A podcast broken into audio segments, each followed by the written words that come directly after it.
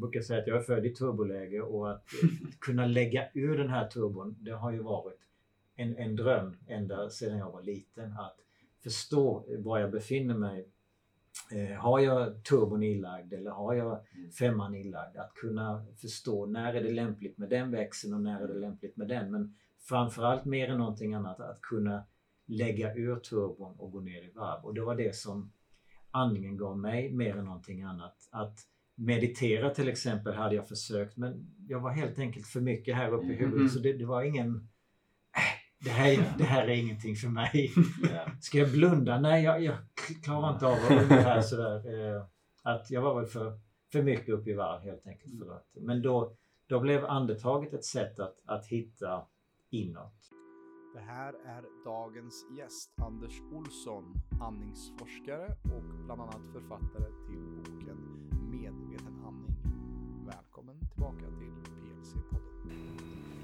Hej och välkommen tillbaka till PLC-podden, podden som förändrar Sveriges syn på hälsa med mig Robin Hallsten och... Mig, Viktor. Och idag är det en väldigt speciell dag för att det är en dag som vi har pratat om väldigt länge, Viktor, eller hur? Vi har spoke it into existence. Exakt. Vi har, vi har med oss en gäst som har verkligen influerat oss väldigt mycket och allt vårt arbete med PLC också med eh, grundprincipen när det kommer till andning. Jajamän. Eh, personen vi har bredvid oss här, han är andningsforskare, föreläsare, författare till den här medveten andning som vi har tjatat om i typ alla våra podcast tror jag nästan. Eh, och som de flesta av våra klienter också köper faktiskt. Välkommen Anders Olsson till PLC-podden. Tack så mycket. Pulmonaut skulle vi också kalla dig, som James Nestor kanske skulle säga. Ja, just det. Ja, Ja. Hur, hur känns detta att, att få vara med här i PLC-podden? Hur, hur är tankarna idag för dig? Det känns eh, jättebra. Mm. Jättekul. Jag ser fram emot eh, vad ni har för spännande frågor. Mm. Det, det ska bli jättekul och, jag tror Viktor är den som mest exalterad. Det var lite så Jag är här. som ett barn på eh, julafton. Exakt. Redan fått ur mig mycket här. Ja, och vi har redan pratat lite redan innan vi kom igång här Mm. och väldigt intressant att just höra ditt perspektiv på saker och ting. Eh, och vi kommer ju djupa, dyka, dyka djupt in i andningen i detta avsnitt också. Men jag vill också starta den här podden lite med att eh, snacka lite om eh, din andledning till varför du håller på med just andningen så mycket. Okej.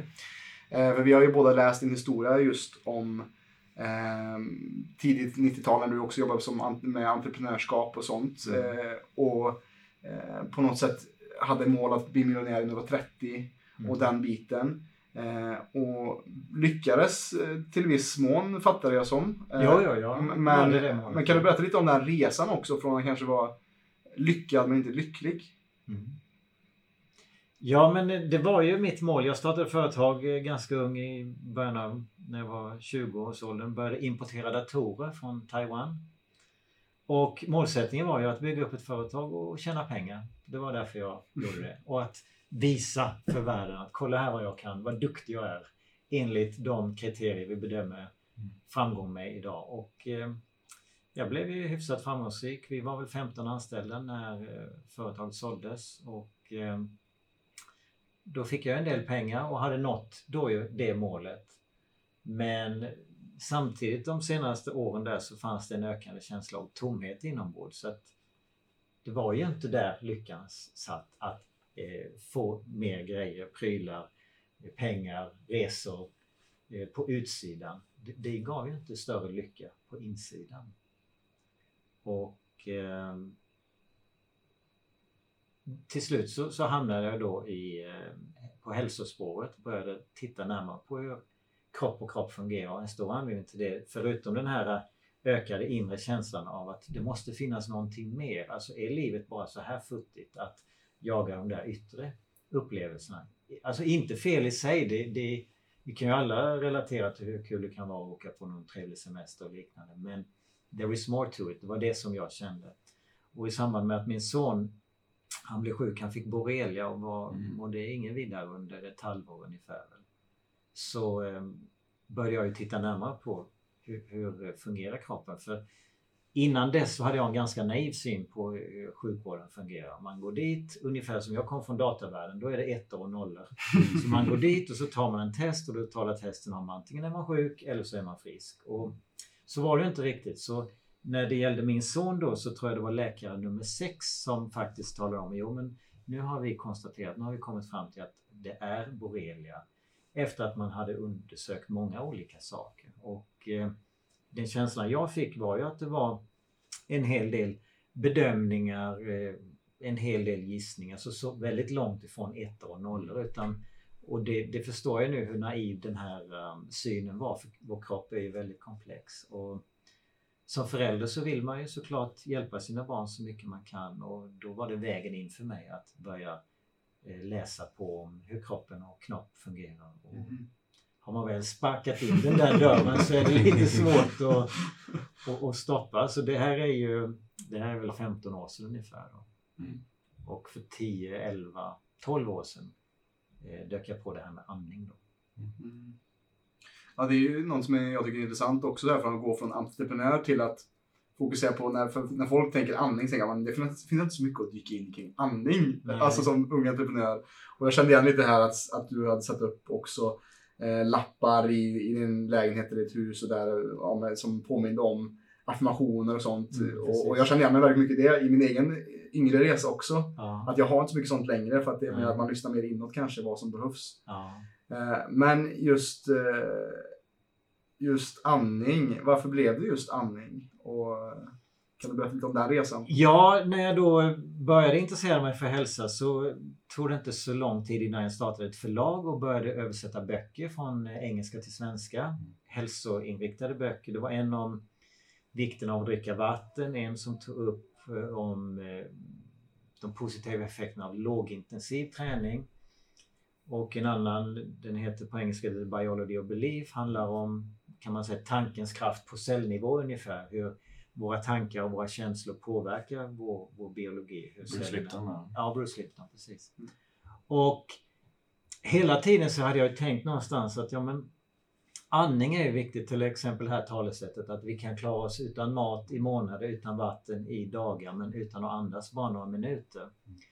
Och jag pratade med många människor, hälsokunniga kunniga människor inom hälsa och Jo, jo, men andning, det är viktigt. Var ju en, en, det fick jag ju alltid tillbaka, men det var ingen riktigt som, som kunde gå bortom det och förklara någonting varför det var viktigt och hur det påverkar och så och se och så. Och i alla fall när jag då eh, sökte efter någon ny bok att översätta så dök jag på en som heter eh, How to swap asthma for life. Hur man blev av med astma för livet och den var väldigt mycket uppbyggd då kring andning från den ryske läkaren och professorn eh, Buteyko.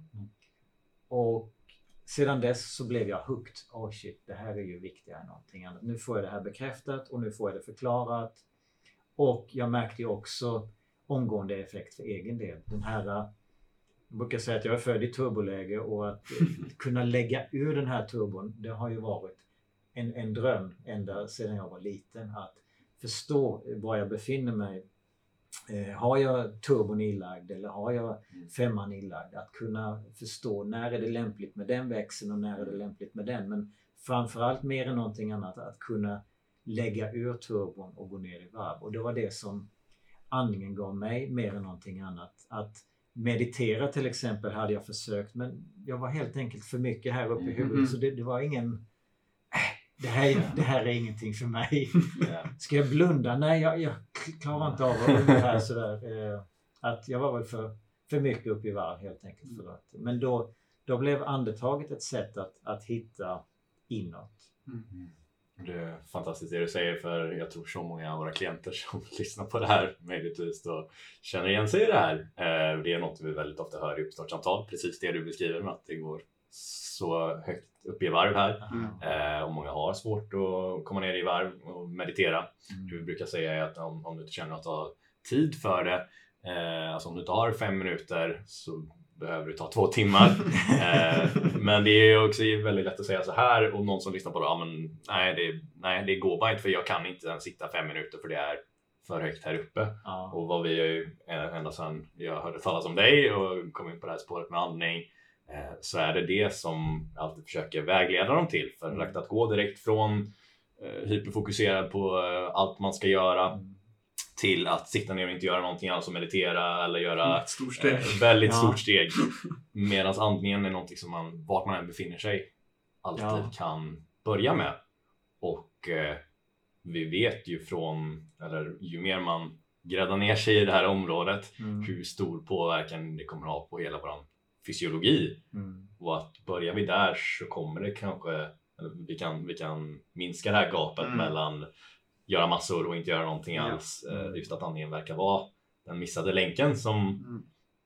ja, som du säger, alla vet är viktigt. Men ja, vi andas ju så är vi liv så uppenbarligen så Jo, det är en klassisk, vadå? Min andning, varför ska jag bry mig om den? Jag andas ju, jag lever ju som du säger. Men för mig var det definitivt, jag befann mig där, men ta fem minuter och meditera. Nej, det funkar inte. Eller att bara slappna av från att ha de här långa att göra-listorna och egentligen haft det väl sedan unga år. Att det fanns mycket man ska göra, göra, prestera, prestera. Och eh, då att gå till att slappna av och eh, då blev det det enkla verktyget.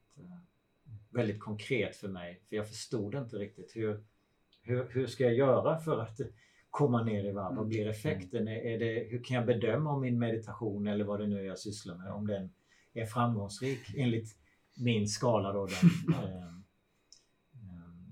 så, så för mig var det riktigt uppvaknande. Det gav ganska omedelbar effekt faktiskt.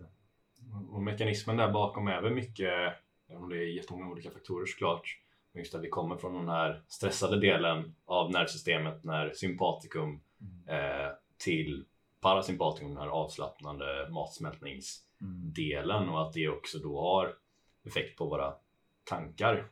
Eh, kan du prata lite om det? Ja, man kan ju tänka sig att eh, befinner vi oss uppe i huvudet, vilket många av oss gör, så, så med hjälp av andningen, då har vi också ofta en, en snabb, ytlig, orytmisk andning. Den speglar det här tillståndet. Alltså oavsett nästan var vi befinner oss, eh, tankar, känslor, även vår fysiska kropp, till exempel om vi har en ihopsjunken hållning eller om vi är spända, ja men då speglar vår andning det här. Så, så när vi då är lite stressade upp i varv och så saktar vi ner vår andning. Vi lugnar ner vår andning och andas långsamt och lägre och mer rytmiskt. Ja, men då är det som att vi tar hissen ner från huvudet ner i kroppen, in i kroppen och på ett sätt synkar ihop hjärnhjärna med hjärthjärna och maghjärna. Våra tankar, känslor och kroppsliga intelligens och, och intuition.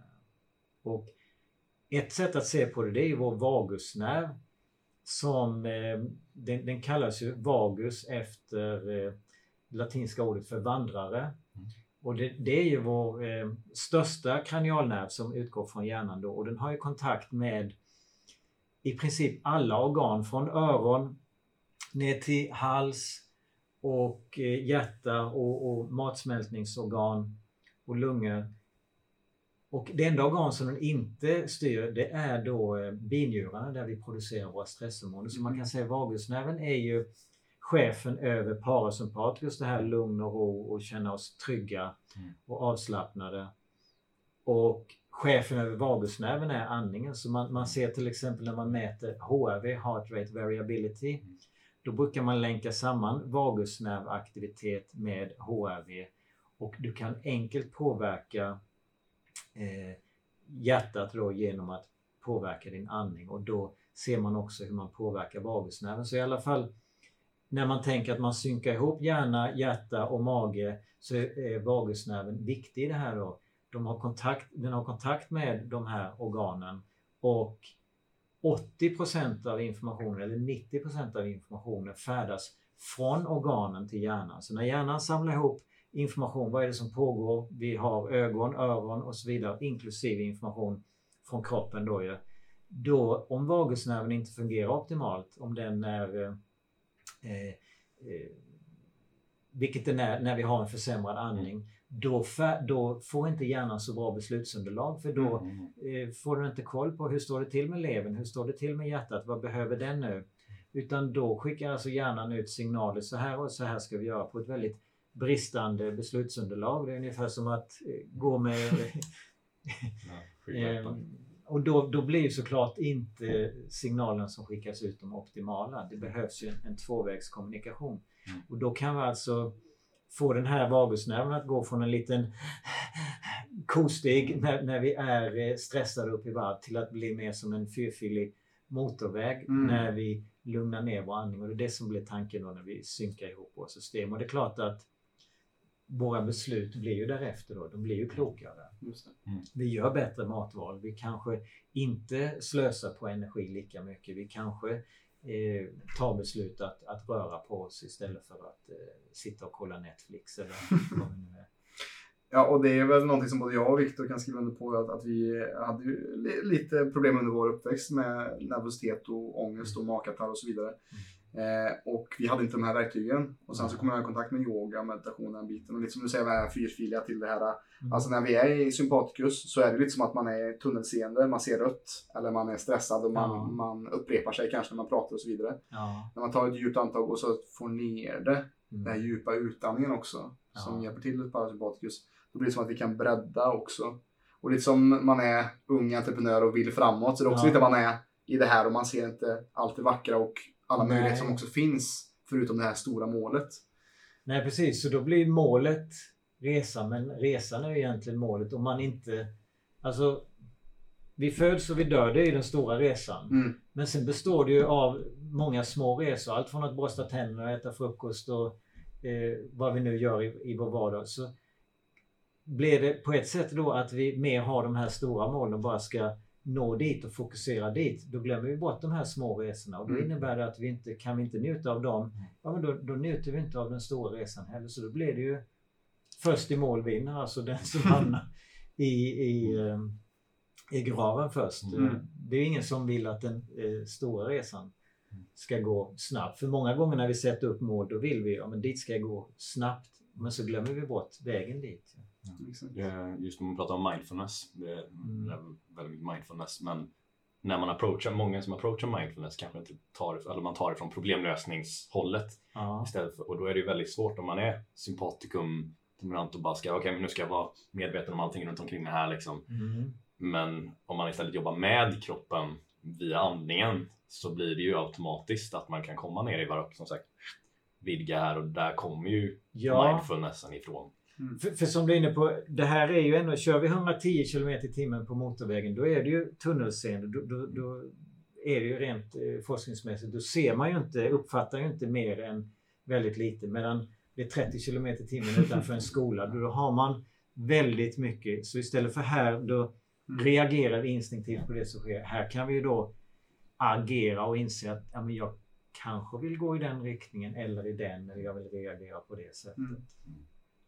Och det är ju rätt spännande. För då upptäcker man ju att jag har inte bara en färg att måla livet med utan jag har en hel palett. Just det. Absolut. det blir en det. häftig tavla i- många dimensioner. Man kan göra mycket bättre val överlag och det är, Mm. säger, många är ju där ja, konstant nästan och framförallt nu eh, Mm. eh, alltså med, med att vi bara blir matade med allt hemskt som försiggår och att vi inte har någon kontroll och att eh, ja, det är väldigt tydlig, en, ty, ja, men en tydlig riktning som, som man blir, vad ska man säga, som man blir matad med helt enkelt. Och, och det är ju inte, det är ju inte det här slappna av, ta det lugnt, eh, vad kan jag göra för att eh, förbättra min hälsa till Precis. exempel och ge mig själv kraft och, och ja, som förebygga. Och, och som vi har sagt också, ta tillbaka sin egen aktivitet. För att det är just det som är grunden med andningen också. Varför det är så otroligt viktigt också. För att antaget är också nyckeln till att vara närvarande här och nu. För Ja, att allting skapas i nuet.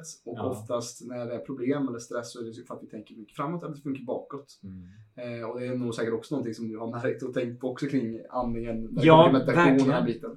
ja, jag tänker som så. Visst, jag är lite partisk här då. Det, det, så är det ju. Men, men jag tänker mig att eh, vi kan se det att vi har ett företag. Där har vi en VD och så har vi olika avdelningar. Och som jag ser det så är avdelningarna våra tankar, våra känslor och fysiska kropp. Och sen har vi VDn, andningen. Mm. Många gånger så har våra tankar, vår hjärna gjort myteri och tagit över hela eh, Mm. avdelningen styr. Löneavdelningen styr eller produktionsavdelningen styr. Men Mm.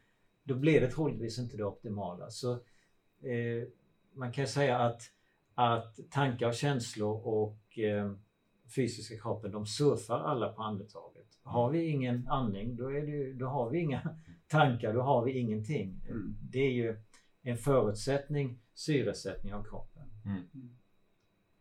Mm. Syresättning, förutsättning, tagline. Yes. Tagline. Eh, och Anders, om vi, om vi säger så här då. Om vi tänker att någon kollar och lyssnar på det här avsnittet Mm. och är helt... Det här kanske första gången hört talas om Anders Olsson och man kanske inte varit, hört talas om PLC och medveten andning och den biten. Ja. Vart startar man när det kommer till att ta hand om sina andning? Eh, och jag kanske, vad som jag tycker är så fint med din bok, att du har ju fem principer också Mm. eh, kring eh, vad man kan tänka enkelt på, Mm. räkna på sin hand. Kan du kanske dra lite, var, var ska man starta och kanske nämna de här, den här principerna som du har? Ja, en, en, en bra andning den startar ju i näsan. Mm. Så ser jag det. Eh, munnen, vi kan andas med den, men det är vår backup-lösning och den, den behöver vi inte använda i den utsträckning som många av oss gör idag. Det är snarare ett tecken då på att vi har ett ineffektivt sätt att eh, eh, använda syret. Det är alltså vi, det är som att ha, ha fönstren öppna i smällkalla vintern och sen höja elementet. Eh, Det är inte, det är inte så effektivt och eftersom vi andas tusen gånger i timmen upp mot 20-25 000 gånger på ett dygn då, då över tiden då, då får det ganska stora konsekvenser om vi har en ineffektiv andning. Så en bra andning börjar i näsan som jag ser det och det, det första steget är att bli lite nyfiken på sin andning. Vi kanske inte ens har funderat på den, förutom kanske när vi eh, är ute och joggar eller tränar eller någonting och vi känner oss väldigt andfådda eller när vi känner oss stressade och andningen sitter högt upp i bröstet och vi, den gör sig påmind. Då kanske vi tänker på den. Så att börja där, vara nyfiken, stänga munnen och, och förstå då att eh, en bra eh, en stressandning den är snabbare, den är ytligare, den är genom munnen, den är orytmisk. Medan då en, en mer optimal andning som syresätter kroppen på ett effektivt sätt. Den är då alltså långsammare, den är lägre. Vi använder diafragman, vår viktigaste andningsmuskel. Och vi, vi har ju hjärtat för att pumpa ut blod och det känner ju alla till. Men diafragman är det inte alla som känner till. Men det är lika viktigt som hjärtat. Diafragman och hjärtat, det är de enda två muskler som aldrig vilar, de är konstant aktiva. Även när vi sover. Hjärtat med att pumpa blod, diafragman med att då flytta luft in och ut i lungorna. Så 80% ungefär av muskelarbetet med då att eh, flytta luft in och ut ur lungorna bör ske utföras av diafragman. Och många av oss när vi har en liten ytligare, snabbare andning, då är den ineffektiva för då får våra hjälpmuskler i nacke, axlar, bröstkorg, de får ta mer av jobbet. Så om en del till exempel har ont här i nacken, då är det inte så konstigt om det är de här musklerna som ska lyfta bröstkorgen. Den Mm. väger ganska mycket.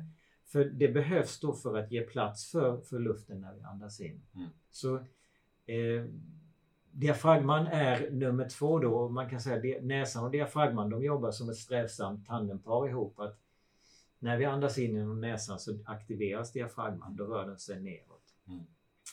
Och eh, ytterligare viktiga andningsprinciper är ju då att eh, andas litet. Många av oss vi andas lite för mycket. Vi, vanligtvis är ju, om man säger till någon, ta ett djupt andetag och då tar vi ett stort andetag. Och det, det är ju, eh, därför undviker jag just ordet djupt. Jag kallar det lågt andetag Mm. när vi använder diafragman. Och litet, det har att göra då med eh, syre och koldioxidbalansen. När vi andas in då tar vi in syre. Luften innehåller ungefär 21% syre. Och när vi andas ut, då andas vi ut eh, eh, överskottet av koldioxid som tillverkas i kroppen. Många av oss då vi andas både lite för snabbt och lite för stora andetag, vilket innebär att vi får obalans mellan syre och koldioxid. Vi får för mycket syre som vi tar in och vi andas ut för mycket koldioxid. Och ingen av dem är, är bra. För mycket syre har vi absolut ingen nytta för. För om vi tänker oss, vad är det som gör att eh, eh, mun mot mun-metoden fungerar? Om, om det är en person här som har råkat ut för en olycka och så ska vi ge mun mot mun-metoden. Då är det ju att vi faktiskt andas ner syre i den andra personens lungor. Mm. Och det är för att i vila så gör vi bara av med ungefär en fjärdedel av den mängd syre vi andas in. Mm. Resten andas vi ut igen. Så vi andas in alltså långt mycket mer än vi har behov för. 75% mer än vi har behov för. Vid en normal andning på 3, 4, 5, 6 liter per minut. Många andas 8, 10, 12, 15 liter per minut. Mhm. Vi tar alltså in mer syre som vi överhuvudtaget inte har någon användning för. Så när vi tänker Åh, nu tog jag ett stort andetag. Nu har jag syresatt min kropp. Nej, inte riktigt. Så, så vi tar alltså in mer syre än vad vi, vi har behov för då när vi överandas. Hyperventilering är ju det här som många associerar med en väldigt snabb eh, andning som eh, eh, ofta är högt upp i bröstet och ofta genom munnen. Då. Men många av oss gör då en låggradig form av hyperventilering som är svårare att upptäcka. Om en normal andning är kanske 10-12 andetag per minut och en halv liter per andetag är det många då som andas eh, 20, 25, 30 andetag per minut. Särskilt om man har eh, riktig ohälsa. Generellt så gäller det att ju, ju sämre jag mår desto sämre andning har jag. Mm. Så därför är en bra andning lite, eh, liten och inte stor då. Mm. Så när vi då andas det stora andetaget eh, så kan vi ha nytta av det för att vi till exempel har stela muskler i bröstkorgen. Så när vi tar ett stort andetag då, då är det som att stretcha, att ge massage inifrån. Och det är fantastiskt bra. Det kan hjälpa till att öppna upp luftvägarna. Men generellt gäller då om vi gör det i vår vardag utanför någon specifik andningsövning så, så är det många som överandas. Och då tar vi alltså in för mycket syre som vi inte har något behov för. Och vi vet ju att syre är väldigt re reaktivt. Det är både a curse and a blessing. Att vi klarar oss inte utan syre. Vi måste ha det för att överleva för att kunna producera energi effektivt. Men det är reaktivt så, så vi kan se till exempel metall när det utsätts för syre, det rostar. Eller om jag tar ett bett i ett äpple och så låter jag det ligga en minut så börjar fruktköttet bli brunt. Det är för att det exponeras för syre. Så det som sker i vår kropp i högre utsträckning då när vi tar in för mycket syre, det är att vi rostar Mm. inifrån. Oxidativ stress kan man Den oxidativa stressen, fria syreradikaler som då skapar skada, inflammationer. Eh, fria radikaler har, har många viktiga funktioner i kroppen. Problemet blir när det blir för många Mm. av dem. Så det är den negativa effekten då med att andas in lite för mycket. Mm. Angående syre, men sen har vi också koldioxidaspekten. För det som sker när vi andas lite för mycket, det är att vi andas ut för mycket koldioxid.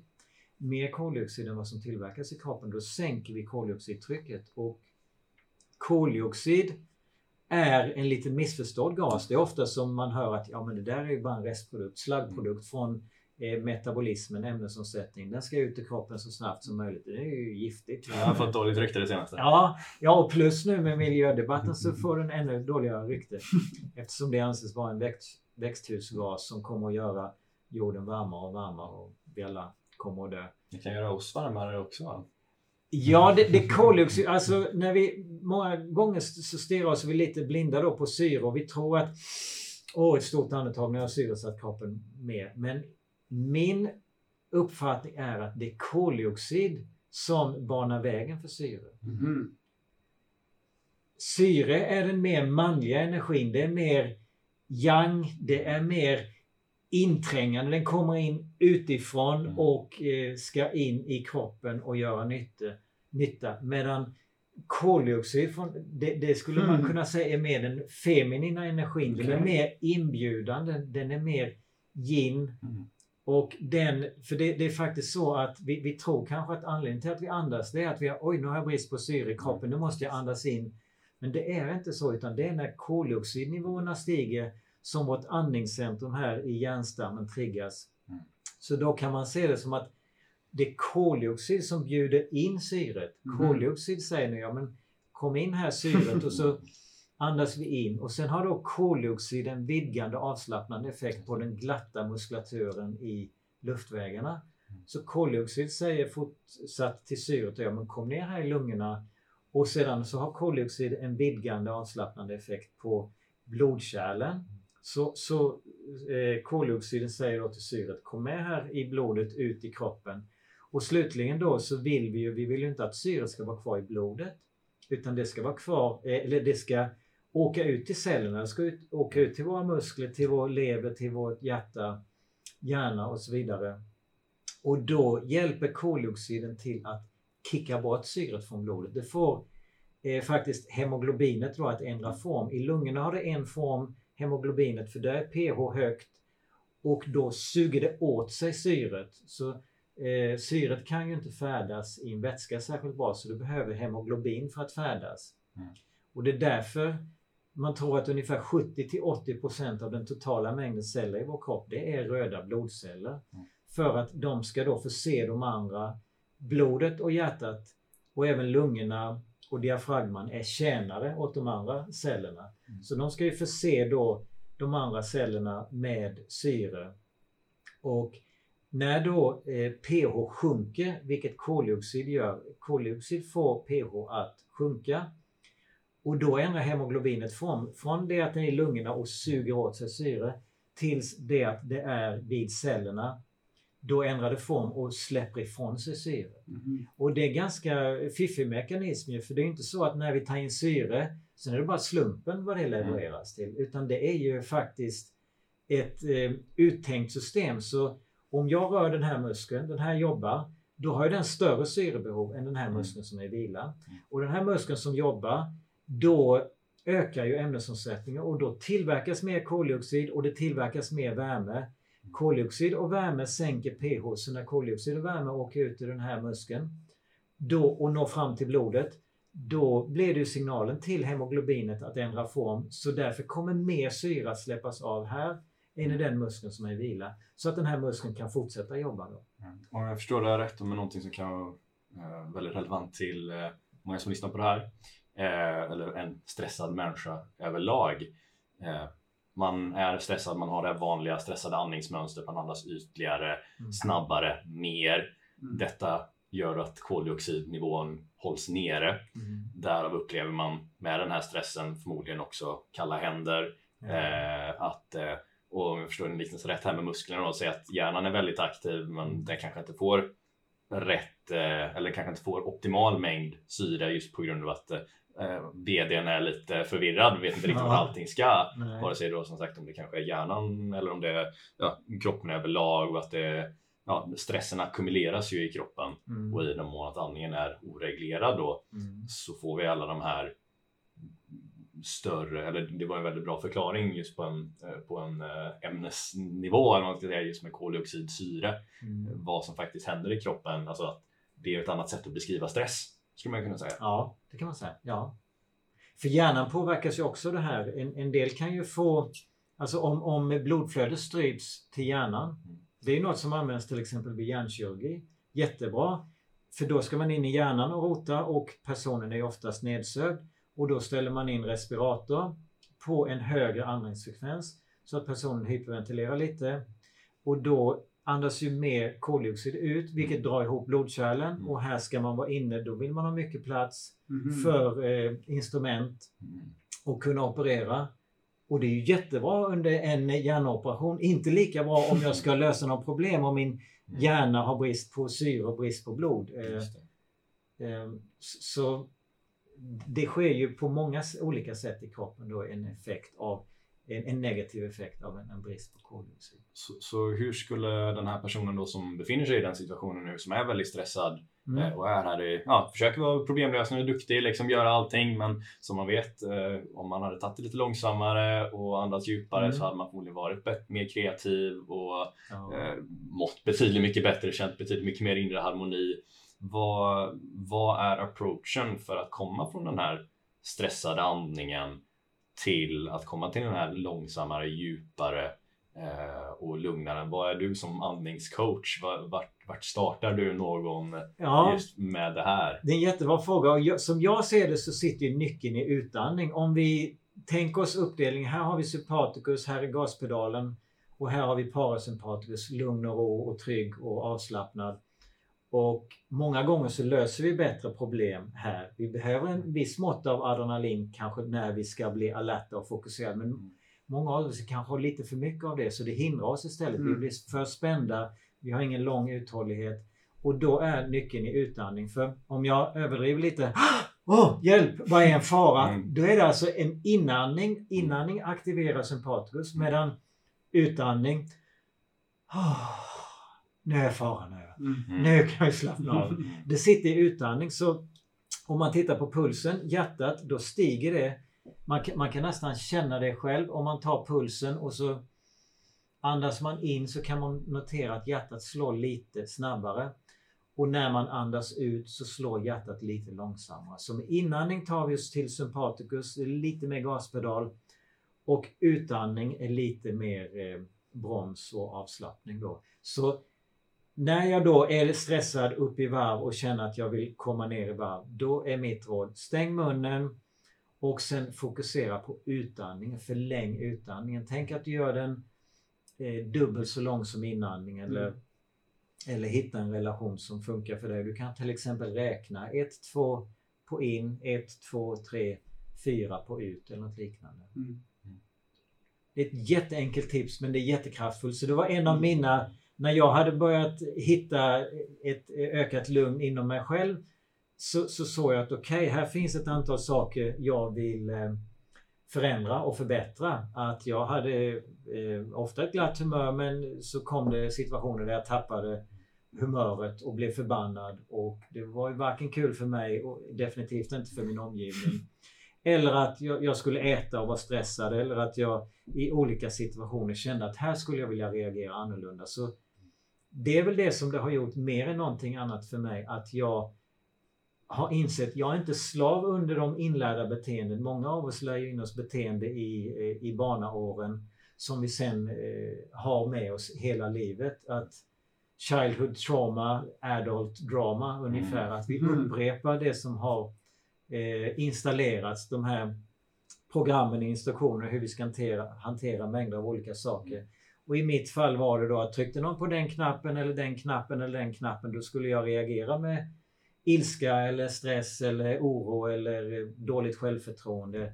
Mängder av olika sådana saker som jag kände att mm, jag skulle gärna vilja uppgradera de här instruktionerna. Och då eh, just då i att förlänga utandningen, att hitta det här lugnet köpte mig tillräckligt mycket tid för att inse jag är inte slav under de här inlärda beteendena utan jag har faktiskt valmöjlighet. Mm. Och om det var en, en millisekund eller tio eller en eller två eller tre sekunder, det vet jag inte. Men det jag upptäckte var i alla fall att det var tillräckligt att köpa mig tid för att inse att jag hade ett val att reagera annorlunda.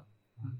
Och det, det är ganska kraftfullt om man, om man tänker på det, för jag tror många av oss önskar just att ha ett sådant verktyg. Det är alltid lätt att vara efterklok och ångra sig. Åh, varför sa jag det? Eller varför gjorde jag inte det? Eller varför hamnar jag här hela tiden? Medvetet, vi, vi, vi vill göra det här och det här och det här. Vi vill i den här riktningen. Vi vill till, till höger och så hamnar vi till vänster hela tiden. Vi, vi förstår inte vad det är. Mm.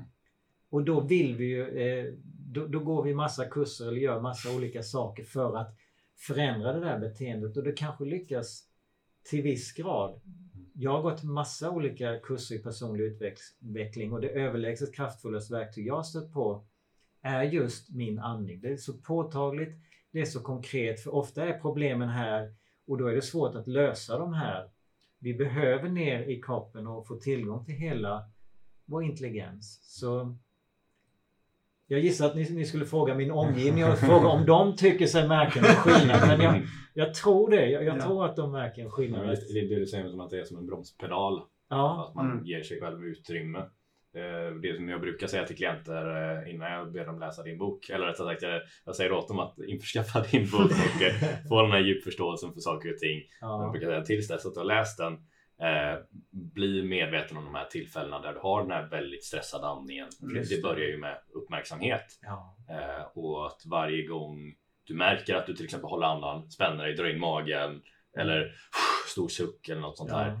ja. Eh, ta det som en påminnelse, ta det som en repetition. Att okej, nu eh, ett par andetag som är medvetna Mm. och bara ja, tänk på det. Mm. Och ju mer, ja, vi fortsätter ju att köta på om det här vecka efter vecka.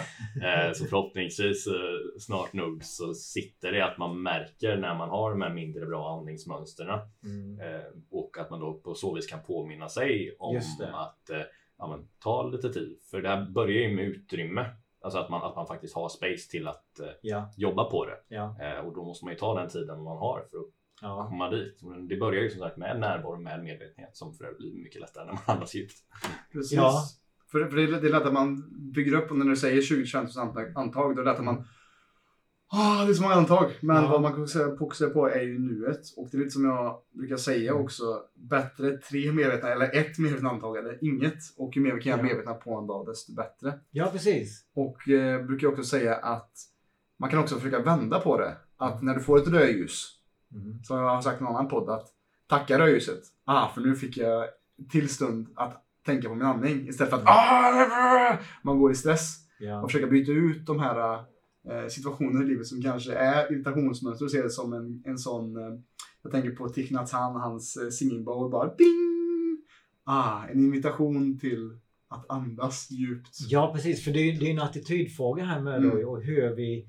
Att bli nyfiken där på hur reagerar jag och agerar i olika situationer. Mm. Vad väcks inom mig? Det är ju på något sätt en, en spegling av de instruktioner jag har installerade i min kropp. Och många av dem är ju andra som har installerat när vi var liten och bara såg upp till auktoriteter. Och det är egentligen kanske inte någonting jag önskar att ha. Men nu har jag fått det och då har jag det att jobba med. Mm. Och att vi då kan vara eh, nyfikna och öppna och ha en attityd kring, som, som du säger, det måste inte nödvändigtvis vara Nej, nu suckar jag igen. Fy fanken vad, vad dum jag är. Utan Exakt. vad bra, nu upptäckte jag det här. Här har jag ju förbättringspotential.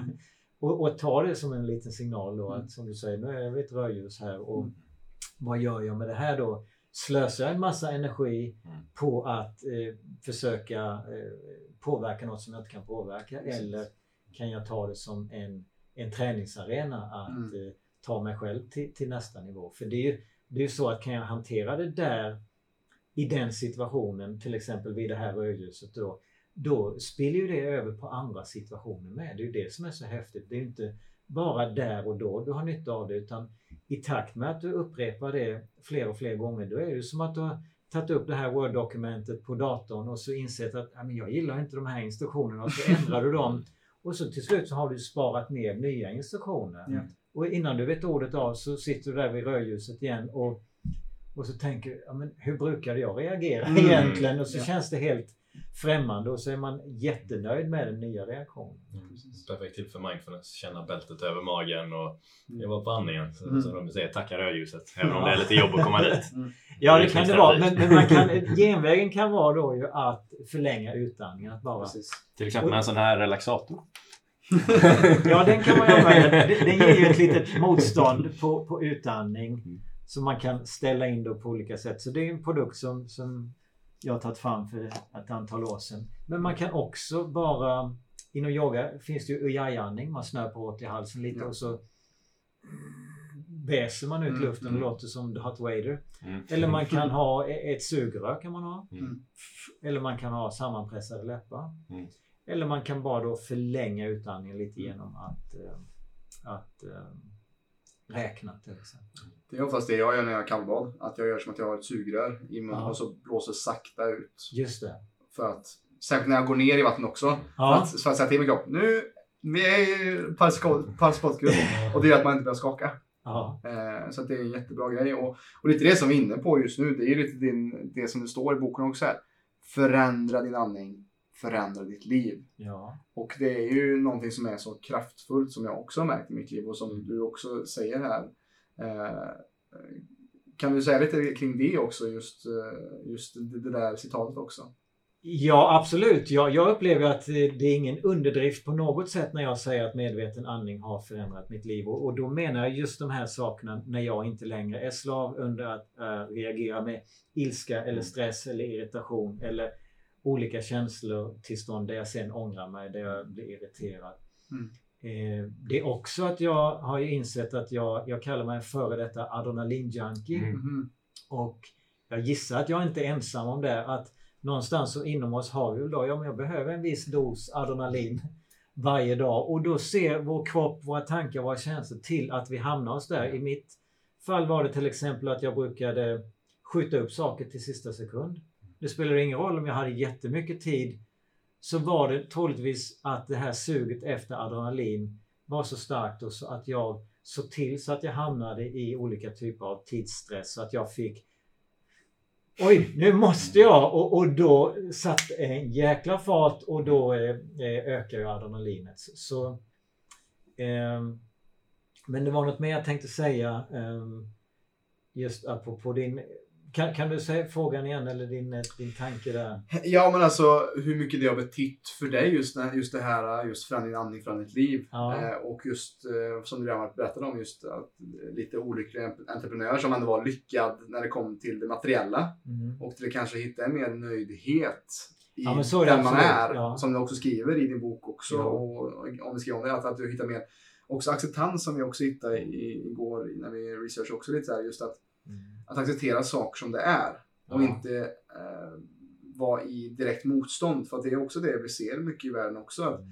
när man går direkt i motstånd så blir man en del av det som man inte vill bli. Nej. Och istället för att acceptera eh, och som du också nämnt lite kring, eh, kring jag tror det var din, var din pappa som gick bort just ac- acceptans. Eller var det mamma? Ja, nu, nu, nu är jag inte helt... Men Min pappa din är... pappa ja. Ja, Mm, ja. just att hitta acceptansen, det är också just. Ja, jag tror att det finns några riktigt kraftfulla sätt där. Förlåtelse en, acceptans en Mm. annan.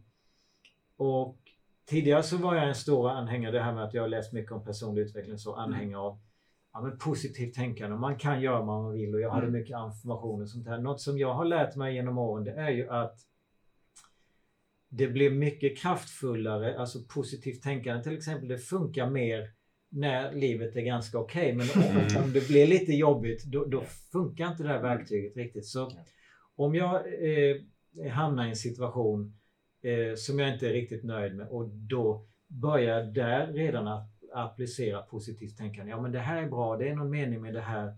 Jag tror numera fullt och fast att vara ärlig mot mig själv, det är ett annat nyckelord som jag använder. Om jag blir förbannad och, och vill slå någon på käften, jag säger inte att jag ska leva ut det, men att jag, jag gör det inom mig, att jag tillåter mig själv svära en ramsa, Mm. tillåter mig själv att bli riktigt förbannad. Då är det det absolut snabbaste vägen till att för det är inte så himla kul att vara där när man väl har varit där en stund. Jaha, okej, härligt. Nu är det över. Då kan man ta nästa steg. Ja.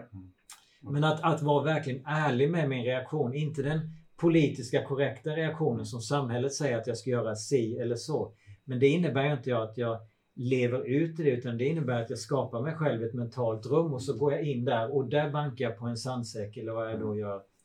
Innan jag då applicerar det här tacksamhet eller förlåtelse eller acceptans. Mm. För då släpper vi, jag tror det är det som är anledningen till att vi säger, ja men visst det här var ju dumt men Mm. Om tio år då kommer vi kunna skratta åt det. Och vad är anledningen till att vi kan skratta åt det om tio år? Jo det är för att vi har fått ett annat perspektiv Mm. och vi har eh, den emotionella laddningen har minskat eller försvunnit. Det är det som är grejen. Så att få bort den här emotionella laddningen det kan ju lösa sig över tiden men vi kan också snabba upp den processen genom att istället för att fly från det. En del gör det ju med då acceptans och förlåtelse men det är inte säkert vi når ända fram. En del andra gör det med alkohol och Mm. jobba hårt eller spela eller vad man nu gör. Mm. Jag tror mer på att eh, eh, gå eh, i, i clinch med det och, Mm. och eh, faktiskt inse att det är en del av mig. Vi, vi, vi är ju här på den här planeten troligtvis inte bara för att vara harmoniska och lyckliga hela tiden utan ut, eh, uppleva hela känsloregistret. Mm. Och på ett sätt så är det inga som är Eh, bra eller dåliga känslor utan de, de finns där och, och de, de är feedback på, på vad vi har installerat inom oss och de är feedback kanske på att vi ska göra olika saker i vårt liv. Och de behöver ju kännas, det är det som säger. Alltså om man förtrycker det så kommer det egentligen inte, ja man kan använda andra typer av lösningar för att försöka hantera det eller som du säger Ja. över tid att det, att det läker till viss del. Men det kommer Ja. fortfarande vara kvar där som ett, eh, någon form av trauma som är utlöst tills dess att man har tillåtit sig själv att känna känslorna. Ja, Och det är det man gör via att kunna vara närvarande och jag tror det är mycket det som en av anledningarna till att folk distraherar sig så mycket. Just Ja. för att man inte vill vara närvarande som Mm. du kommer bli automatiskt när du börjar andas ja. mer närvarande. Det- Ja. Det tvingar dig att komma till att se på de sakerna som faktiskt ligger och trycker där. Faktiskt, och, och där är en intressant aspekt om man ställer sig frågan varför i hela friden går vi omkring och Mm. andas högt upp i bröstet? En anledning tror jag det är att många av oss, vi är inte i kontakt med våra känslor. Det är Mm. jätteläskigt. Och mycket känslor har vi i magtrakten. Vi pratar om fjärilar i magen eller vi blir nervösa för någonting så Mm. måste vi gå på toaletten. Och när vi då flyttar ner andningen, när vi börjar använda diafragman, då kommer vi i kontakt med det här läskiga, det här jobbiga, Mm. det här stressfyllda. Och det är en anledning troligtvis då till att tidigare i, under vår evolution, "Ah, hjälp en tiger och så lägger vi benen på ryggen och flyr från den fysiska faran. Idag får vi ett jobbigt e-mail eller ett jobbigt telefonsamtal och går in i kamp, flykt. Men vi lägger inte benen på ryggen. Vi, vi, den åtföljs inte av någon fysisk aktivitet. Det enda vi gör är att vi flyr från det här jobbiga genom att flytta upp andningen. Mm. Och den blir inte ändamålsenlig den reaktionen. Så vi behöver på ett sätt uppgradera vår stressrespons. Mm. Och en anledning troligtvis är att vi har en massa trauma och upplagrade jobbiga känslor i vår kropp. Mycket i magtrakten som gör att vi andas ytligt och när vi flyttar ner den då så en del blir, tycker det blir jobbigt då att sluta andningsträna men en del förstår och säger att okej det här är något jag behöver gå igenom för att lagra upp mer och mer och mer obearbetade, oläkta sår och trauman. Det blir bara värre och värre över tiden. Mm. Så en, apropå det när du säger kallbad, det är också något som, som jag tycker är spännande och man skulle kunna se det som en fantastisk andningsövning. Mhm. Och en, en video, jag skapade en kort video, spelade in här på gymmet på jobbet. eh, Då duschade jag kallt och så bara illustrerade jag. Första då är fighting, I'm fighting the water. Mm. Det är ungefär som vi ligger hos tandläkaren och så vet vi det här kommer göra ont, det här kommer bli obehagligt och så går vi in i kampflykt, vi spänner oss, vi håller andan. För när väl den här smärtan kommer då är det ungefär som att då ska vi Ja. slå till. Men, men vad vi själva verket gör det är att vi förstärker den här smärtan. Det är inte så himla smart att använda det verktyget i den situationen. Så are we fighting the water? Det är inte heller så himla bra. Då, då, då blir livet, livet blir en enda stor kamp och, och, och sen dör vi ungefär. Det blir en, en eh, uppförsbacke. Och då speglar ju andningen i den här lilla filmen jag gjorde just den här det, det är mycket eh, kamp, mycket spändhet och så vidare. Eller nästa steg är då coping.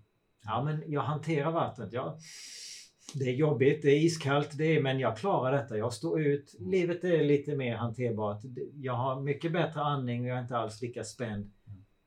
Men det finns en nivå till. Mm. En nivå till och det är ju eh, transforming. Det är ju att eh, embracing the water. Så att möta det här kalla vattnet med eh, ödmjukhet, tacksamhet, eh, acceptans, nyfikenhet, förlåtelse. Och det, det är ju en perfekt segway till något som vi pratade om tidigare här eh, med just den rådande situationen som världen befinner sig och att eh, de olika nivåerna av eh, ja, hur man kan möta någonting. Ja. Eh, vare sig det då är eh, som i nuläget eh, Corona eh, eller som vi pratade om också om cancer. Mm. Eh, som det kan vara hjärt-kärlsjukdomar, vad det än må vara. Men som du säger så är det ju det här det dominerande sättet att möta det är just det här kamp eller flyktdelen. Fuck cancer! Mm. Eh, eller vi ska, vi ska bekämpa, Besegra, besegra corona, vi ska göra... Ja. Mm. Nej, det, det, det, det skapar ju, det gör ju bara problemen värre ofta. Att, eh, men man är så arg på man befinner sig där. Mm. Eh, men om man istället kan gå till de här andra nivåerna så skulle man ju också kunna få vidga vyerna Mm. och se att det Mm. finns möjligheter här också. Ja, Eh, för många, och det, det här är ett väldigt känsligt ämne om vi pratar om cancer till exempel. Eh, just för att det är ju, man vill inte säga att det är någons fel. Nej. Men, men om man säger att ja, men, cancer är, eh, enligt min tro, 90-95% av det är livsstilsfaktorer. Eh, Mm. eller det är saker runt omkring miljöfaktorer som, som kan leda till det här. Ja, livstids eller miljöfaktorer. Eller miljö, precis. Och, Ja. och, men då när jag säger det, jag, jag skriver till vissa forum eller när det kommer upp något sånt här, Mm. då får man alltid kommentarer med folk som tar det personligt. Ja. Att, ah, så det var mitt fel att det här hände. Nej, det är inte det jag säger. Nej. Utan jag säger att det är saker som spelar in här. Säg inte att det är någons fel. Men du kan välja att ta det antingen som en direkt kritik mot dig, att du gjorde fel, Mm. eller att du har en möjlighet att kunna påverka. Mm. Och eh, i den mån att man väljer den vinkeln istället Ja. Så kan vi ju se det som istället för att säga fuck cancer, uh, vi ska bara besegra, vi ska vaccinera bort det, vi ska ta piller mot det och lägga mer och mer miljoner, miljoner, miljoner på forskning. När vi ändå vet väldigt mycket av saker som orsakar det.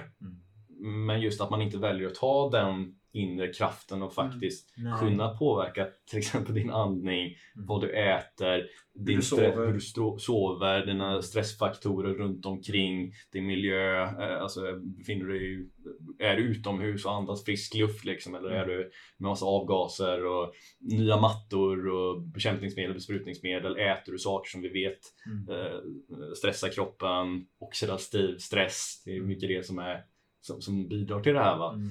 Men att eh, ja, men istället då för att, för att bara, mot, bara inte välja att se de här men om man som sagt kan slappna av lite och embracea och Ja. se vad budskapet är här till mänskligheten. Mm. Att, eh, och det är det som jag ser det här som ett ypperligt tillfälle där vi befinner oss just nu. Mm. Om man kommer bort från, alltså om man stänger av nyheterna lite grann och inte Mm. tänker att allting faller, att du inte kan göra någonting åt att det måste vara staten eller något utomstående magiskt piller som ska rädda dig. Att, nej, och det är ju det som är så bra nu att många blir medvetna om att nej men vänta, hur andas jag? Vad äter jag? Mm. Eh, solen påverkar, eh, mina relationer påverkar Mm. och jag kan faktiskt bygga upp mig. Ja. Eh, vissa går ju dit, eh, och många mer nu än någonsin på grund av att det har blivit så tydligt och exponerats. Ja. Men eh, tyvärr så det dominerande som i alla fall visas på TV eh, och, och, och tidningar och sånt här är ju tyvärr inte det här uppbyggande perspektivet utan det är just att du inte har någon kraft. eh, Du måste, det är väldigt få artiklar om vad du faktiskt kan göra för att Mm. må bra. Precis. Ja. Att, att kunna ta, ta tillbaka sin inre auktoritet som vi mycket snackar om. Och ja, det är otroligt viktigt. Även om det bygger upp alternativa kanaler känner Mm. jag må- mer än någonsin nu. Det är därför det har blivit så explosionsartat även vårat företag då vi, vi jobbar med precis det här Mm. eh, och, och många andra eh, personer också som, som gör något liknande. Det har ju växt, alltså alternativmedia är större än någonsin Mm. eh, och att många som har återigen det här mer eh, jobba från sig själva perspektivet, de söker sig till andra kanaler Mm. och det finns folk som faktiskt också gör så och det skapar ju en väldigt till, eller en väldigt Ett annat sätt att se på världen. Ja. Och, och, och där vill vi, Ja. vi bidra i den debatten lite just också kring Ja. det holistiska. Precis, så när en dörr stängs så öppnas ju en ny. Alltså Mm. även om många drabbas hårt på olika sätt, man blir av med jobbet kanske eller man bl- blir sjuk, så innebär det också möjligheter. Och någonstans är det ju anledningen till att vi har kunnat sprida, oss- sprida oss över hela planeten. Det är ju vår extrema anpassningsförmåga. Ja. Mm. Vi är ju inte bäst på syn eller springa eller något när vi, hörsel när vi jämför med andra djur. Men vi har en otrolig förmåga att anpassa oss. Mm. Både vad gäller kost och kyla och värme, Mm. olika miljöer. Och det gäller ju även i den här situationen. Alltså, den, den som klarar av att anpassa sig är ju den som har störst möjligheter att, eh, att överleva. Mm. Och, och man, man tänker på det just det här med att vi har ju faktiskt ett immunförsvar som kan eh, hjälpa oss att ta hand om virus och bakterier och andra partiklar, andra saker vi, vi utsätts för. Och om man tänker då ifrån ett stress och rädsloperspektiv så är det ju så att när vi går in i stress då minskar ju vårt eh, immunförsvar, vår Mm. förmåga att ta hand om eh, eh, virus och bakterier och liknande. Så det är, det är en anledning till att en person som har fått ett nytt organ inopererat får ju stresshormoner för att trycka ner immunförsvaret så att inte immunförsvaret ska stöta bort det här nya organet. Mm. Så om man, om man eh, drar det till sin spets, som jag, ett exempel är hämtat från Bruce Liptons bok då, The Biology of Belief. Om, om jag sitter i ett tält på den afrikanska savannen och så har jag 40 graders feber och så är jag jättesjuk. Jag bekämpar en infektion, jag har inga krafter överhuvudtaget. Jag bara ligger där och, försöker bli frisk. Och så kommer en tiger. Vad gör jag då? Ska jag fortsätta bekämpa infektionen? Och, och gör jag det så kommer troligtvis infektionen snart att bli tigerns problem för den kommer att döda mig och äta upp mig. Mm. Eller ska jag gå in i kampflykt och eh, eh, springa ifrån den här tigern? Mm. Det är troligtvis att jag eh, stänger ner immunförsvaret då, jag stänger ner bekämpandet av infektionen, sätter den på sparlåga Mm. och går in i kampflykt. Så, så poängen min är ju här då att eh, när vi befinner oss i rädsla, vilket många av oss blir när vi tuggar media eh, Mm. dag ut Mm. och dag in om hur jobbigt allt är, hur farligt allt Mm. är, hur, hur många som dör just Mm. nu i corona och så vidare.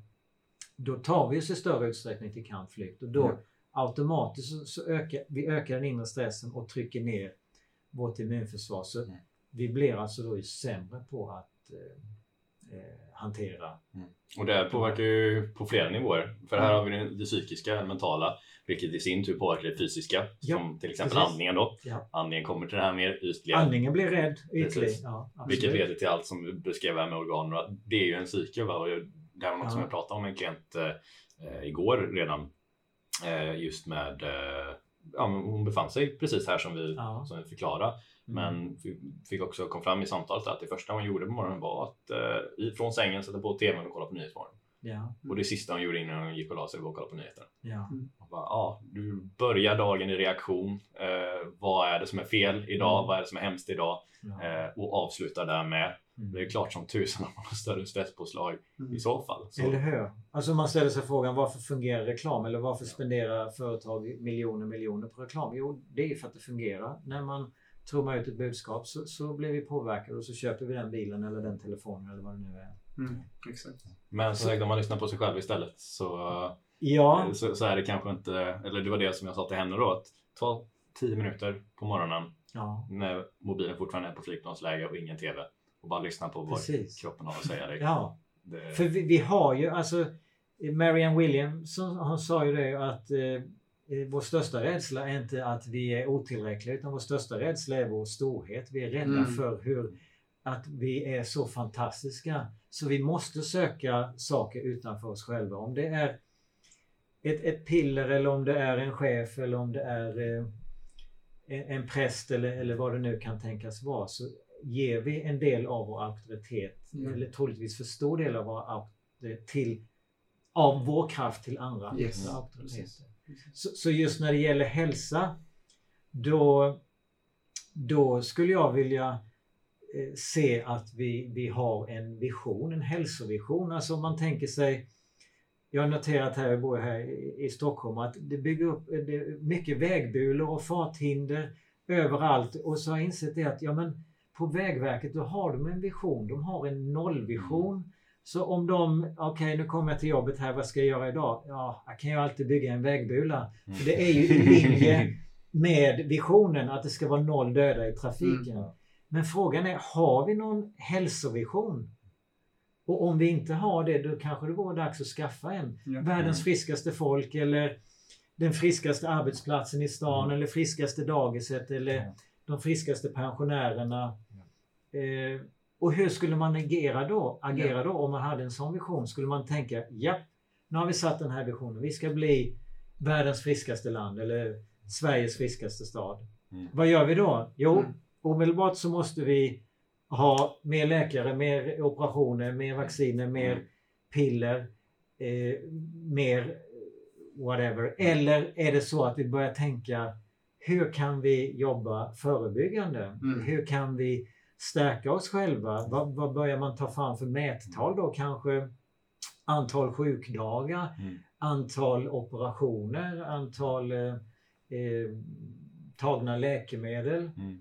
Som ju är ett, ett mått på hur sjuka eller hur friska vi är. Då. Så om vi vill bli världens friskaste folk då ju. Kanske inte ska syssla med sjukvård så mycket och kanske mer med friskvård. Ja, det är ju rimligt och det innebär ju inte att sjukvården är dålig utan den har ju såklart sin plats men, men kanske tar den för stort Ja. utrymme idag att den är en spegling av där vi befinner oss, där Mm, vi, mm. många av oss söker Ja. ett, ett snabbpiller. Men det är inte tänkbart troligt att det är det som människor kommer att söka i framtiden. När, Mm. när fler och fler inser, det är inte som när min mormor, ja doktorn, god dag, god dag, ta två piller på kvällen och, och två på morgonen. Och då gjorde hon det, utan idag ifrågasätter vi mer. Varje generation blir ju eh, mer ifrågasättande och ser och funderar vad man kan göra själv. Och, och, och då återtar vi ju kraften vad vi kan tillbaka göra vår auktoritet. Och, Ja. och med det budskapet också, som det är det som vi vill sprida med den här podden också. Så det är så intressant att vi är inne på detta just nu. För jag vill också gå in på den här. Ja, Den här Anders. Sovtejp. Ja. Det är någonting som du säljer via medveten andning. ja, Och eh, det är ju så att eh, när det kommer till vår sömn. ja. Det är ju vår största hjälp till att stärka vårt immunförsvar. Och, och är någonting vi ser med våra klienter så är man är för stressad och inte sover bra. Eller man inte ens, man tänker att ja, jag klarar mig på sex timmar sömn. Mm. Men vi ser ju det i eh, till exempel Why, äh, Sömngåtan av Matthew Walker. Att sover vi mindre än sju timmar, alltså vi ska ligga på åtta, nio timmar helst. Ligger vi under sju, ligger när vi kommer ner på sex, Mm. så minskar vår, vår resistens mot yttre Ja. hot. Eh, och eh, alla saker ökar. Alltså det kommer som ett brev på posten. Eh, hjärt-kärlsjukdomar, cancer eh, och även kognitiva sjukdomar som Alzheimer och sånt också. Blodsyn, blodsockerreglering blir sämre så Exakt. diabetes kommer där med. Mm. Ja. Precis. Och det är samma, eh, såg en föreläsning av Zach Bush, MD, eh, en, en läkare i USA som också sa det att man har åtta gånger större chans att få covid också. Jaha. När det kommer till om man inte sover ri- riktigt. Mm. Och är det någon produkt som jag har rekommenderat till flest klienter så är det just den här. För att vi Ja. ser det, det är de stress och sömn är i tanden. Mm. Så kan du berätta varför, varför ska man tejpa sin mun? för, många, för många klienter säger det också. Nej, det går inte. Det är panik. Det är panik. Ja. Man kan liksom beskriva varför är det så viktigt? Det vi har snackat om näsandning, men Mm. just eh, var, varför har du tagit fram den här produkten? Ja, det är som en, en service mer än någonting annat skulle jag vilja säga. In, i, innan den här produkten kom så sa jag till folk att ja, men gå till apoteket och köp lite tejp. Jag har själv tejpat nu i, vad är det, 12 år. I morse rev jag dem lite snabbt så jag såg att det blev Så man får ta lite försiktigt. Så, så även om jag har tejpat länge så kan det vara att man... eh, eh, Men i alla fall. Vi sover ju en tredjedel av vårt liv. Så har, eh, Matthew Walker har skrivit en fantastisk bok. Mm. Why We Sleep eller Varför Vi Sover. Eller Sömngåtan heter det svenska. mm. Ja. Samtidigt som det är så intressant att han tar upp den ena forskningsstudien efter den andra om hur viktig sömnen är och han skriver jättebra. Så är det också intressant att vad jag har sett så nämner han ingenting om andning Mm. i Mm. boken. Mm. Eh, Så det är en liten eh, genomgående tema att det är en liten bortglömd eh, eh, Ett framtidsprojekt kanske du ska höra av dig om. Ja, jag har varit på gång men jag har inte gjort det än. Men, men många av oss då ju har ju en tendens, i alla fall verkar det så, när den här produkten är så populär, att många de köper den för att de mår bra av den. Så det betyder troligtvis att många av oss har problem att vi andas genom munnen när vi sover. Och om vi är ute och går och andas genom munnen, ja men då kan vi eh, då kanske det är i linje med kroppens behov. För, för då ökar ju vår ämnesomsättning. Men när vi sover, då, då kan man nästan ta gift på att munandning i vila innebär hyperventilering. Alltså en låggradig form av hyperventilering där vi får för mycket syre och för lite koldioxid vilket gör att vi tar oss lite mer i riktningen kampflykt och vi får då inte den återhämtning, lugn och ro avslappning och läkning och reparation som kroppen behöver. Och därför vaknar vi tröttare och därför gör vi sämre matval och, och, och vi kan hamna i mer konflikter. Vi är inte lika kreativa och vi orkar inte träna och så vidare. och Så vidare. Så sömnen är extremt viktig. Men det är också så att andningen är en, en förutsättning för en bra sömn, en bra andning. Så eh, Även om man kan tycka att det här låter fullständigt barbariskt och eh, knasigt så, så är min standardkommentar då när någon säger som du råkar ut för att "Ah, nej men jag får panik, jag klarar inte av. Då, då är det troligtvis så säger jag att då behöver du troligtvis tejpen. Men tanken med medveten andningen eller att man tejpar munnen på natten det är ju inte att öka stressen. Så om du får den reaktionen Hjälp, jag kommer inte överleva natten om jag tejpar. Då ska du inte börja där. Mm. Utan då kan du börja under några kvällar. Tejpa munnen 10 minuter, en kvart eller en halvtimme. För att vänja dig mer och mer vid Mm. känslan. Och då upptäcker du att det var inte så farligt. Mm. Och då blir nästa steg sen att tejpa på natten. Och för en del är det en liten inkörningsperiod att man kanske tar av tejpen på natten under de första nätterna. Men sen att man vänjer sig och sen eh, En del gör så här. Ja, jättebra, jag har fått det här rådet, jag har tejpat nu.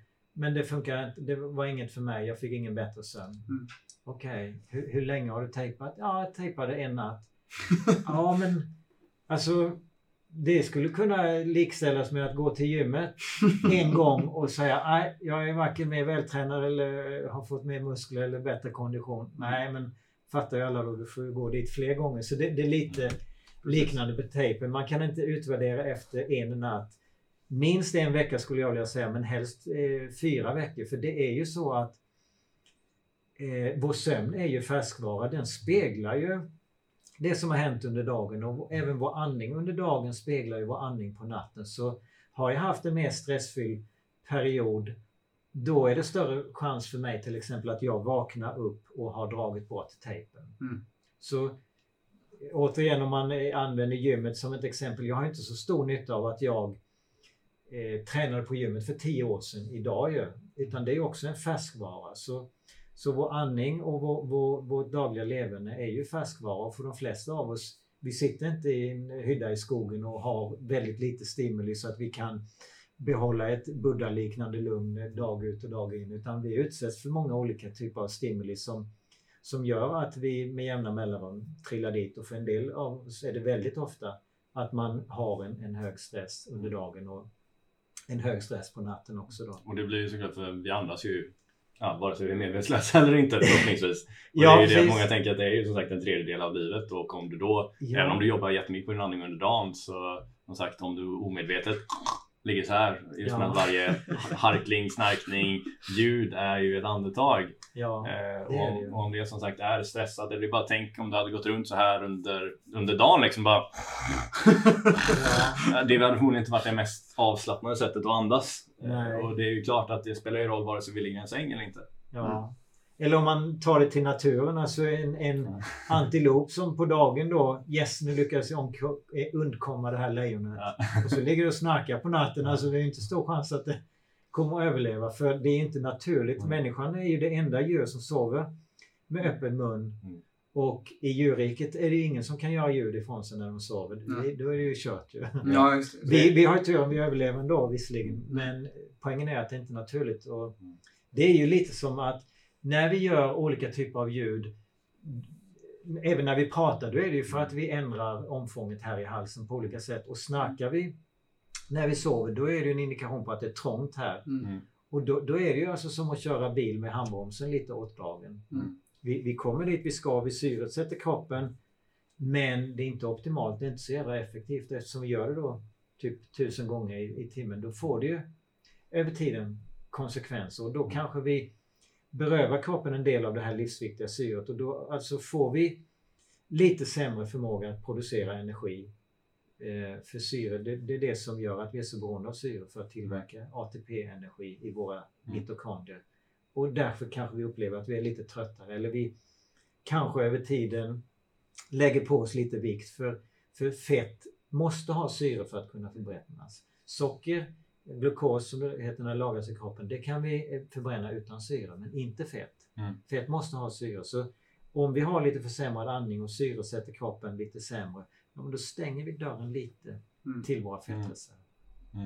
Ja, det är, snackningar ska inte trivialiseras. Absolut inte. Och, och, och jag har feedback också från en av våra klienter som Mm. efter tre, fyra dagar med den här tejpen Mm. så var hennes huvudvärk som hon haft i flera år borta. Ja. Och hon var så tacksam över just den här produkten så att den här produkten förändrar liv. Ja, Ja, och det tror jag att du vet om också såklart. Ja, väldigt många och jag blir fortfarande förvånad. Mm. Och, och inte, jag har huvudvärk och många upplever mindre stelhet och det är ju... Tänk dig att den här tigen då kommer här mot mig och då går jag in i kampflykt. Mm. Alltså jag står ju inte så här. Jaha, nu kommer den tigen. Utan det är ju så här.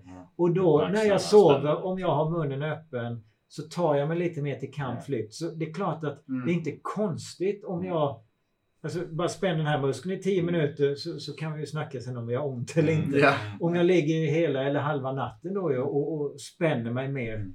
Det är inte heller så konstigt om jag... Och precis som du säger det här med andningsmönstret, alltså det är ju sekundära andningsmuskler som förmodligen kommer användas genom att man Ja, ligger här uppe. Liksom. Det är knappast ner djupt ner från diafragman. Men sen är det ju väldigt många saker som kan påverka snarkning eller att, att Ja. man öppnar munnen. ja det är det. Eh, och, och eh, det är ju samma som du säger, det här med allt som det kan påverka. Det, det, det är ju den här helheten och det är det som vi alltid Mm. går in på. Med, med många som tänker, ja men jag vet inte om andning är så mycket för, för mig liksom. Med att, med att det kommer kunna göra mycket för mig. Men, ja, men Nej.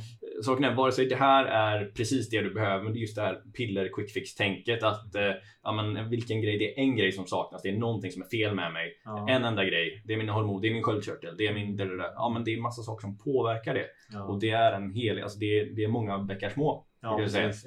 Och, och andningen är, kommer vara i de att du har de här stressreaktionerna som vi vet är direkt associerade med en sämre andning. Som vi också vet är kroppens främsta fysiolo eller det första fysiologiska responsen som kommer ske till någon stimuli Ja. eh, som är baserad på psyket. Det kommer vara andningen så det kommer vara en faktor.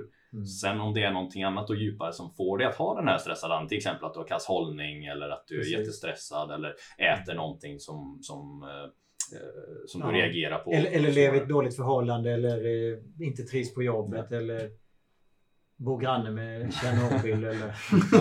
Ja, precis, men det kommer vara en faktor. Ja. Eh, och därav är det väldigt dumt att inte använda det här väldigt kraftfulla ver- verktyget och Ja. kika på det och se vad det kommer kunna leda Mm. mer till. Ja. Men, eh, men det jag tänkte är just med, med faktorer som kan påverka utöver det att man har öppen Mm. mun. Liksom, för vissa säger att jag har så svårt att, att andas. Liksom, det är Mm. svårt för mig med det här. Eh, som jag sa, det, med, med, det finns ju viss mat liksom, som man Ja. kan reagera mot. Och det är Ja. slembildande och blir tä, eh, tätare. Mm. Eh, näs eller luftvägar och så. Mm. Eh, även nu pollensäsong Mm. eh, kan ju påverka såklart. Ja. Eh, och stress och så som vi sa. Även strukturellt. Eh, vissa har ju ett bett eller en överkäke är det väl framför allt. Som kan vara mindre och trängre just med att man... Ja, då kan, om överkäken är trängre, underkäkens utveckling följer ju överkäken. Så då, då blir den också ofta trängre. Och kanske inte tungan får plats, då faller den bakåt lättare. Eller, Och det är något som du pratat om lite i boken här också med just hur munandning, det, det försämrar ju också ja, både alltså, rent strukturellt. Du kommer ju Ja. se, tandläkare säger ju, Mm. jag ser ju om någon, när de kikar där i munnen så ser de om personen munandas. ja. Eller inte just för att det påverkar hela an, eh, ansiktets utformning. Ja.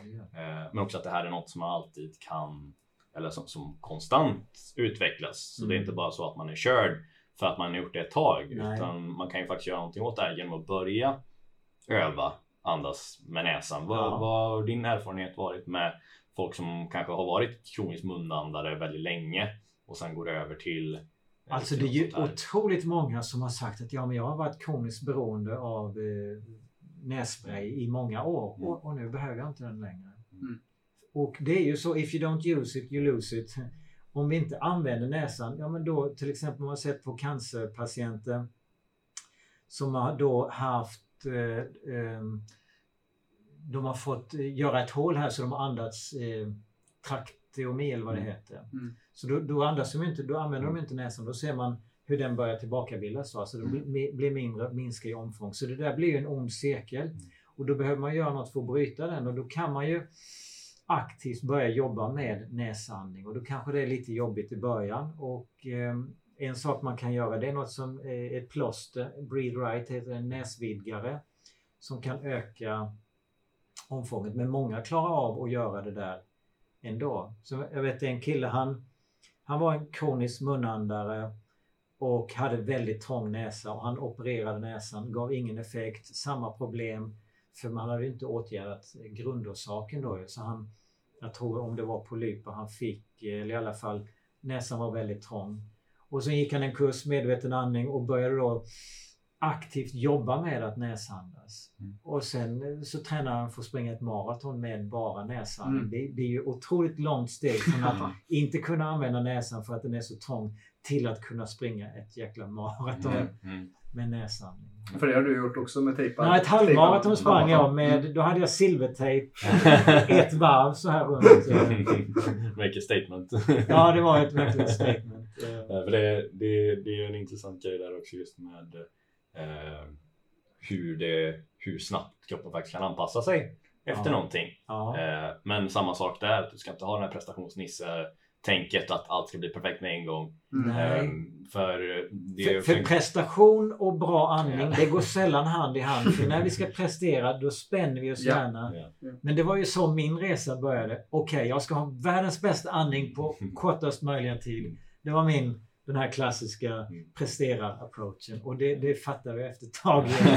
att det var ju inte, det är inte där man når framgången. Utan det är ju motsatsen, det är ju avslappning som är nyckeln. Ja. Och det är ju precis det som de flesta som vi jobbar med står inför. Att, eh, att man har varit för mycket go, go, go och göra mer och snabbare. Mm. Eh, men som sagt, det man behöver göra är att göra mindre och Ja. när vi börjar jobba på andningen här då är Mm. just det jag säger. Du kan inte pressa fram det här. Nej. Så din vanliga aktivitet, alltså i och med att vi märker att din andning är eh, en bidragande orsak, Mm. bidragande faktor. Du är för snabb liksom. Mm. Så måste vi sänka tempot. Ja. Och äh, återigen, innan jag får dem att, eller när jag skickar dem slussar vidare till boken eh, så säger jag ju det som jag sa där med att ta pauser. Mm. Men också att tänk som sagt på att ha munnen stängd. Så när du är ute och går, när du gör din vanliga aktivitet här eh, så anpassa den och gör det vad jag kallar för andningstempo. Mm. Att du gör det i en sån takt som du klarar av att andas med Mm. näsan med. Mm. Så när du är ute och går till exempel, ja då, då är det bort från den här powerwalken. Om det är där du befinner dig just nu, ja men jag måste öppna munnen för att kunna Mm. för, för att klara av det här. Ja men då går det för snabbt. Mm. Då får vi sakta ner Mm. och sen är det helt okej att stanna. Mm. Bara anpassa dig efter andningstempot för det kommer vara en sån accelerator tror jag. Och där får du gärna flika in med vad du kan- tänker kring det. Men just när jag försöker få någon att andas bättre. Mm. Om vi tar det långsamt i början och att vi faktiskt Mm. För det kommer jag ihåg lite från Patrick McCaron, han Oxygen Advantage killen som Ja. också jobbar mycket med butik som jag vet att du jobbar med mycket med. Eh, att eh, en övning där är just att man andas, jag kommer inte exakt ihåg hur det var, men tog ett andetag, försöker gå så många steg som Ja, möjligt just på ett det. andetag och så här. Ja. Så jag, jag, jag har inbillat mig då att eh, på något vis att om vi går eh, i en viss takt och vi klarar av att andas genom näsan med det eh, och vi klarar en viss takt första gångerna vi gör det. Men allt eftersom vi gör det så misstänker jag då att det blir lättare och bättre och vi lär oss andas. Alltså det är som att vi bygger upp den här muskeln. Vi, vi bygger upp först. koldioxidtolerans helt Mm. enkelt. Det är det vi gör. Har vi en låg koldioxidtolerans, det är då vi andas Mm. snabbare för då klarar inte hjärnstammen, eller då, då har den liksom eh, ungefär som vi har temperaturcentrum som är inställt på 37 grader. Har vi feber så har det ändrats till 40 grader. Mm. Andningscentrum då, när vi är stressade, då ändras det till att bara tolerera en lägre, ett lägre koldioxidtryck. Mm. Och då, då triggas ju andningsreflexen Mm. oftare. Så, så eh, det är det vi gör, att vi lär oss tolerera högre nivåer av koldioxid. Ska vi säga att den här approachen är bra? Eller Absolut, tillägga- och, och det är bara till för att kommentera den övningen. Jag har gjort den jättemånga gånger det här där man andas in lugnt och så andas man ut lugnt och så går man så många steg man kan Mm. När man håller andan då. Och den är ju ett sätt att boosta, bygga upp koldioxid. Men samtidigt så gör man ju det när man håller andan och jag är inte så förtjust i andhållningsövningar generellt för det är ofta något vi gör faktiskt när vi koncentrerar oss. På nattetid kallar vi det sömnapné om vi Mm. håller andan. Mm. Mm.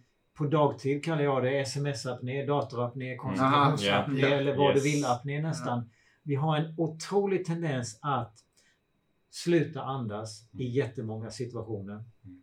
Och därför ska vi inte träna på det tänker Nej. jag, att hålla andan. Så det du sa, du beskriver där man går då, jag, jag tänker mer räkna steg där man kanske då räknar en, två, tre på inandning, Mm. en, två, tre, fyra, fem, sex steg på utandning. Absolut. Det, det som jag säger till folk som sagt är inte att uh, hålla andan utan det är att, Nej. att vi går med en eh, tempo långsamt mot att vi klarar av att andas. Precis, ja. Precis det som du sa där är ju, tänker jag, som ett väldigt bra tillägg till det. Att utöver det att vi går, men om man vill faktiskt praktiskt öva på någonting också, Ja.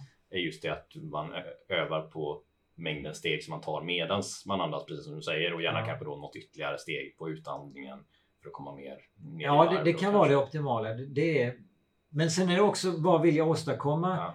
Och eh, jag tror ju då att många av oss eh, mår bra av att eh, ta klivet in till parasympatisk Mm. lugn och ro. Att lägga ur turmon. Att det är där många av oss har problem. Att Mm. vi är för mycket i kampflykt av olika anledningar. Att det är det mer än någonting annat. Alltså en definition av ohälsa skulle kunna vara att jag hanterar inkommande stimuli lite mycket med, lite för mycket med Mm. kampflyktrespons. Medan en Mm. definition av hälsa skulle kunna vara då att jag har mer balanserat nervsystem Mm. och klarar av att hantera merparten av inkommande stimuli med en lugn och ro och trygg respons. Så att, ja, nu händer det. Ja, ja, ja, nu händer det. Har du läst boken Thinking Fast and Slow?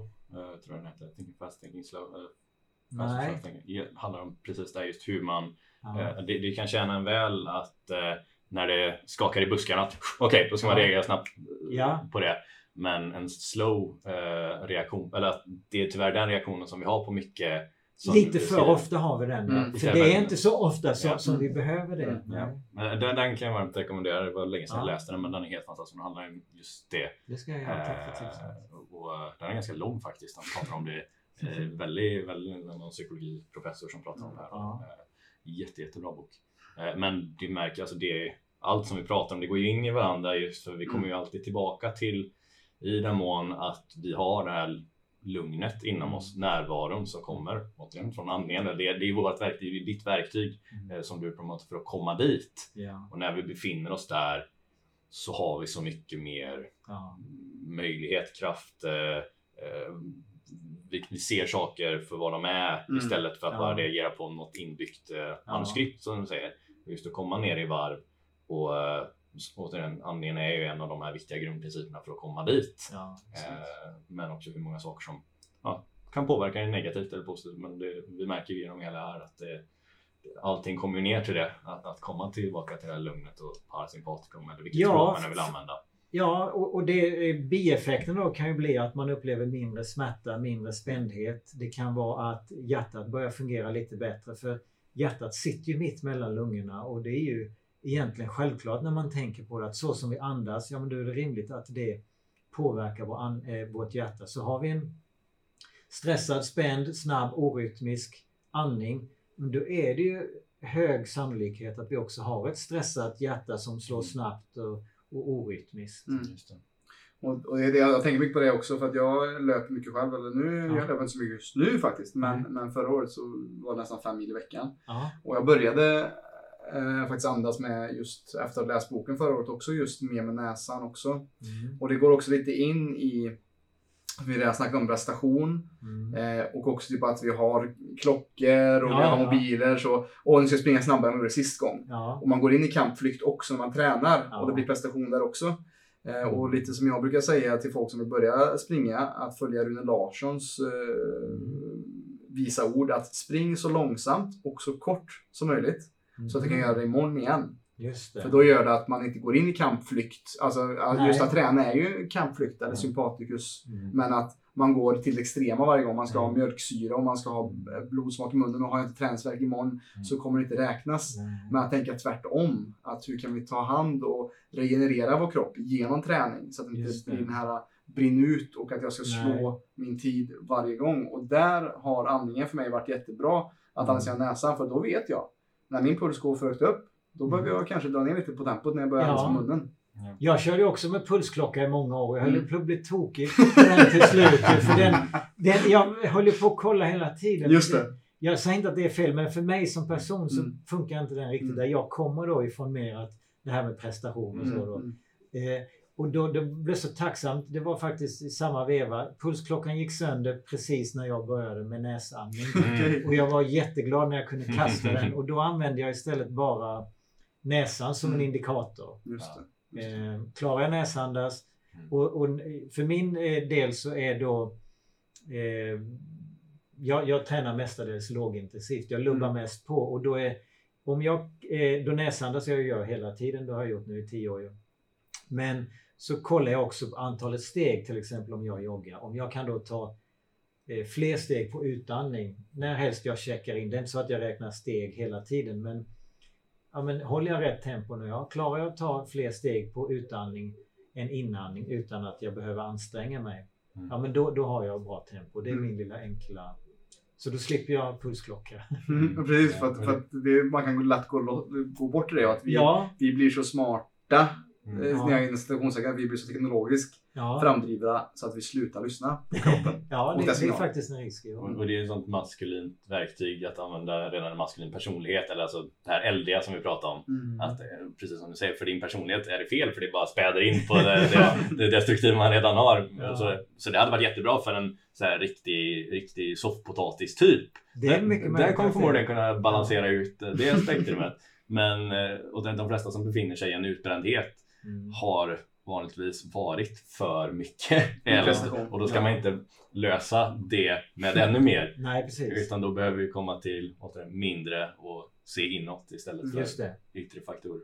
Sen, sen finns det andningsövningar och det finns ju egentligen hur många som helst, men andningsövningar som eh, engagerar lite mer kampflykt. Eh, till exempel där man andas kraftfullt och det är otroligt många människor som mår bra av det också. Det är inte så mycket, jag pratar om det i boken eller mina kurser. Men det finns ju absolut en aspekt, man kan ju använda andningen på många olika Mm. sätt. Då, att en, en del, är jag en viss typ av personlighet och har jag befunnit mig i kampflykt för länge, då till slut så hamnar jag kanske i frys. Mm. Där jag inte har någon kraft, inte någon Ja. ork, inte någon energi.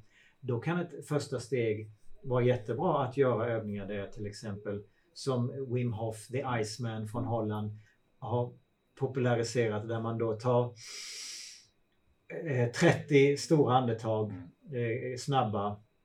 Och sen efter det, eh, så man hyperventilerar ju då. Ja. Mm. Och då, då sänker man koldioxid och då höjer man adrenalin. Mm. Och då får man en, en boost av det. Och sen efter man har gjort de här 30 snabba så, så håller man andan och då ökar man ju koldioxid igen. Mm. Då byggs det upp, för det byggs upp väldigt snabbt i kroppen. Men adrenalin är också kvar på högre nivå. Då. Det kan vara precis för att liva upp någon. Samma som en Ja. kalldusch är ett av de bästa sätten att kicka igång binjurar som inte... Ja, precis. Mm. Men det finns ju exakt, det finns en plats för flera Ja. olika saker. Sen kan vi säga att det, det viktigaste för majoriteten, eller det som gör under majoriteten av dagen, är ju just vårt andningsmönster överlag. Ja, Eh, så för många då som kanske har precis kommit in på andning via de här mer sexiga metoderna, vilket Ja. som absolut har sina användningsområden som är de är jättebra för. ja för, för Eh. medveten andning är det mer tråkiga. Det, det är ingen som liksom... Det är till och med vanilj. Ja, det, det är brandkåren och polisen. Det, det är ju det häftiga. Det Ja. händer liksom. Men de som jobbar förebyggande så Ja. att brandkåren aldrig kommer dit. De Precis. får inga, inga De får ingen, nej exakt. Men det är ju det som är när man tänker så som vi var inne på förut här just på, eh, med, med vad, vart vi vill att världen ska komma eller om vi ska ha den som du var inne på visionen som jag gärna vill komma tillbaka till för eh, den vill jag inte bara hoppa över för den tycker jag var väldigt mäktigt eh, som du sa där med att varför har vi inte en hälsovision? Mm. Eh, även om ja, någon kommunpolitiker säkert har försökt få till det här någonstans Mm. men så är ju oftast lösningarna ja, mindre helhetstänkande, alltså dit vi kan komma om vi bara, och det är ju det som vi vill sprida med vårat budskap, vi, gör, vi drar vårat strå till stacken men det här kommer krävas liksom en Mm. revolution om man ska säga just av att vi kommer från klokhet, sunt förnuft, Mm. eh, förebyggande tänk Mm. och inte bara släcka massa bränder överallt. Nej. Utan att vi, vad, vad är det som skulle komma istället för att ge fler läkare och fler vårdplatser och allt sånt där. Mm. Hur kan vi göra för att det inte ens behövs så många? Ja, precis. Det- Vi våra egna läkare. Ja, och Ja. För anledningen till att vården är så överbelastad det är för att, vill jag påstå, 90% av de som är där borde inte vara där. Utan de borde först gå till till exempel en hälsocoach då. Eh, Och, där har gjorts många studier på eh, en specifik vet jag från eh, Mayo Clinic Functional, Functional Medicine Department. Ja, eh, Mm. en kille som heter Mark Hyman i alla fall. Ja. De, de utförde en studie på det här att alla som skulle träffa en läkare på, på Cleveland Clinic Functional Medicine Department blev först assignerade en hälsocoach. Mm. I tre månader fick de göra det här Mm. och det visade sig som sagt att 90% av dem som gjorde det här inte sen behövde träffa en Wow, läkare. fantastiskt. Ja. Så om vi kan skifta narrativet, skifta fokus till det. Det är Ja. otroligt spännande istället för att skrika oss hesa för att vi måste ha mer sjukvårdsplatser och mer resurser. Så, Mm. så är det ju faktiskt inga företag som jobbar och tittar i backspegeln utan de har ju en vision. De tittar ju framåt. Vad är det vi vill åstadkomma och hur når vi dit? Ehm, så jobbar vi inte med hälsa. Men det skulle ju faktiskt vara möjligt. Och, men vet man kanske, kan man tävla i musik kanske man kan tävla i hälsa. Kanske kan ha en, en eh, eh, istället för Eurovision. Mm. eh, Man kan sova i kapp. Vem sover längst? Vem har minst andningsvolym? Vem vem vet om, om det kan bli olika. Man kan ju ha hjältegala och man kan ha olika galor. Men vet om man kanske skulle kunna ha en hälsogala. Ja, där Ja, absolut. företag kan tävla med varandra. Eller där man på Ja. olika sätt. Ja. Om man sätter mindet till att Mm. här vill vi eh, skapa någonting. Och men det är just det, vi behöver ju sammanfoga, eller folk med liknande det här kloka, sunda förnuftet, tänket, folk som går lite Mm. djupare. Eh, Det, det är ju det som krävs tror jag nu, att, Mm. eh, att vi verkligen talar ut för vad det är och inte är särskilt försiktiga med det. Mm. Utan vi- man måste, vi måste tala våran sanning kring att Mm. nej men det är så mycket grejer vi kan göra. Och eh, det som det som får alla resurser i nuläget, eller får mycket resurser i nuläget, det är mycket slöseri med pengar. Det hade kunnat gå, alla de här pengarna, om de istället hade gått till, som man säger, an ounce of prevention is worth a pound of cure. Mm. Om det istället hade, som man har gjort i många andra aspekter, nu kommer jag inte på något eh, Nej men Eh, den något studien du nämnde där, Mark Hyman, Mm.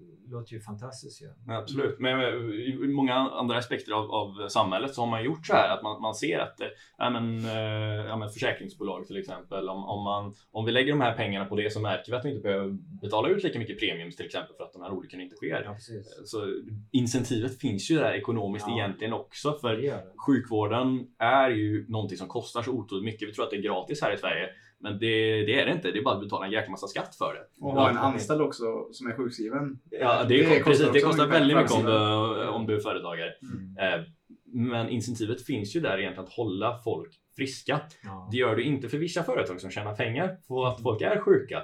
Och problemet är väl kanske om de har mycket inflytande eh, istället för de Mm. företagen som skulle tjäna pengar för att folk är friska. Mycket Mm. kommer tillbaka till pengar tyvärr. Ja.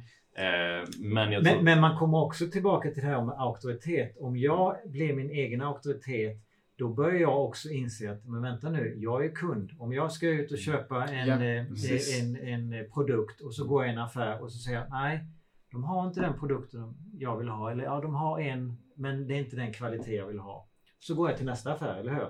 Tills jag hittar det jag söker. Mm. Och om jag ser mig själv som, jag är kund hos sjukvården Mm. och ser att nej men, de har kanske inte riktigt det jag vill ha. Jag, Mm. jag skulle vilja förstå var mitt problem kommer ifrån och hur jag kan jobba med det förebyggande. Ja, men då är det rimligt att jag, att jag går till någon annan. Ja. Om jag är, är i min kraft och återtar min Mm. auktoritet. Ja, för jag kan bara tänka mig det. Alltså, 10% som sagt behöver komma till läkaren. Det är där som, det är Ja. där som den... Och där är det oerhört viktigt. Och Precis. där är det fantastiskt med alla mediciner som finns. Och Ja. alla, det är ju sanslösa lösningar vi har Mm. idag Ja. på att hjälpa människor att må bättre. Men som sagt, om det, om det kliar i rumpan och du har lite, det, det, du har lite hjärndimma och du är trött och eh, du är inte regelbunden på toa. Liksom, det första du ska gå till är inte läkaren utan det är okej, vad är det som Alltså som- om du har en bondgård liksom. Korna är sjuka. Mm. Okej, men eh, då behöver vi mer antibiotika eller vi behöver någonting här. Nej, om du som en, en bonde med sunt förnuft skulle tänka okej, är det något i vattnet? Eh, Är det något som de har käkat? Eh, Är det någonting som stressar upp dem? Mm.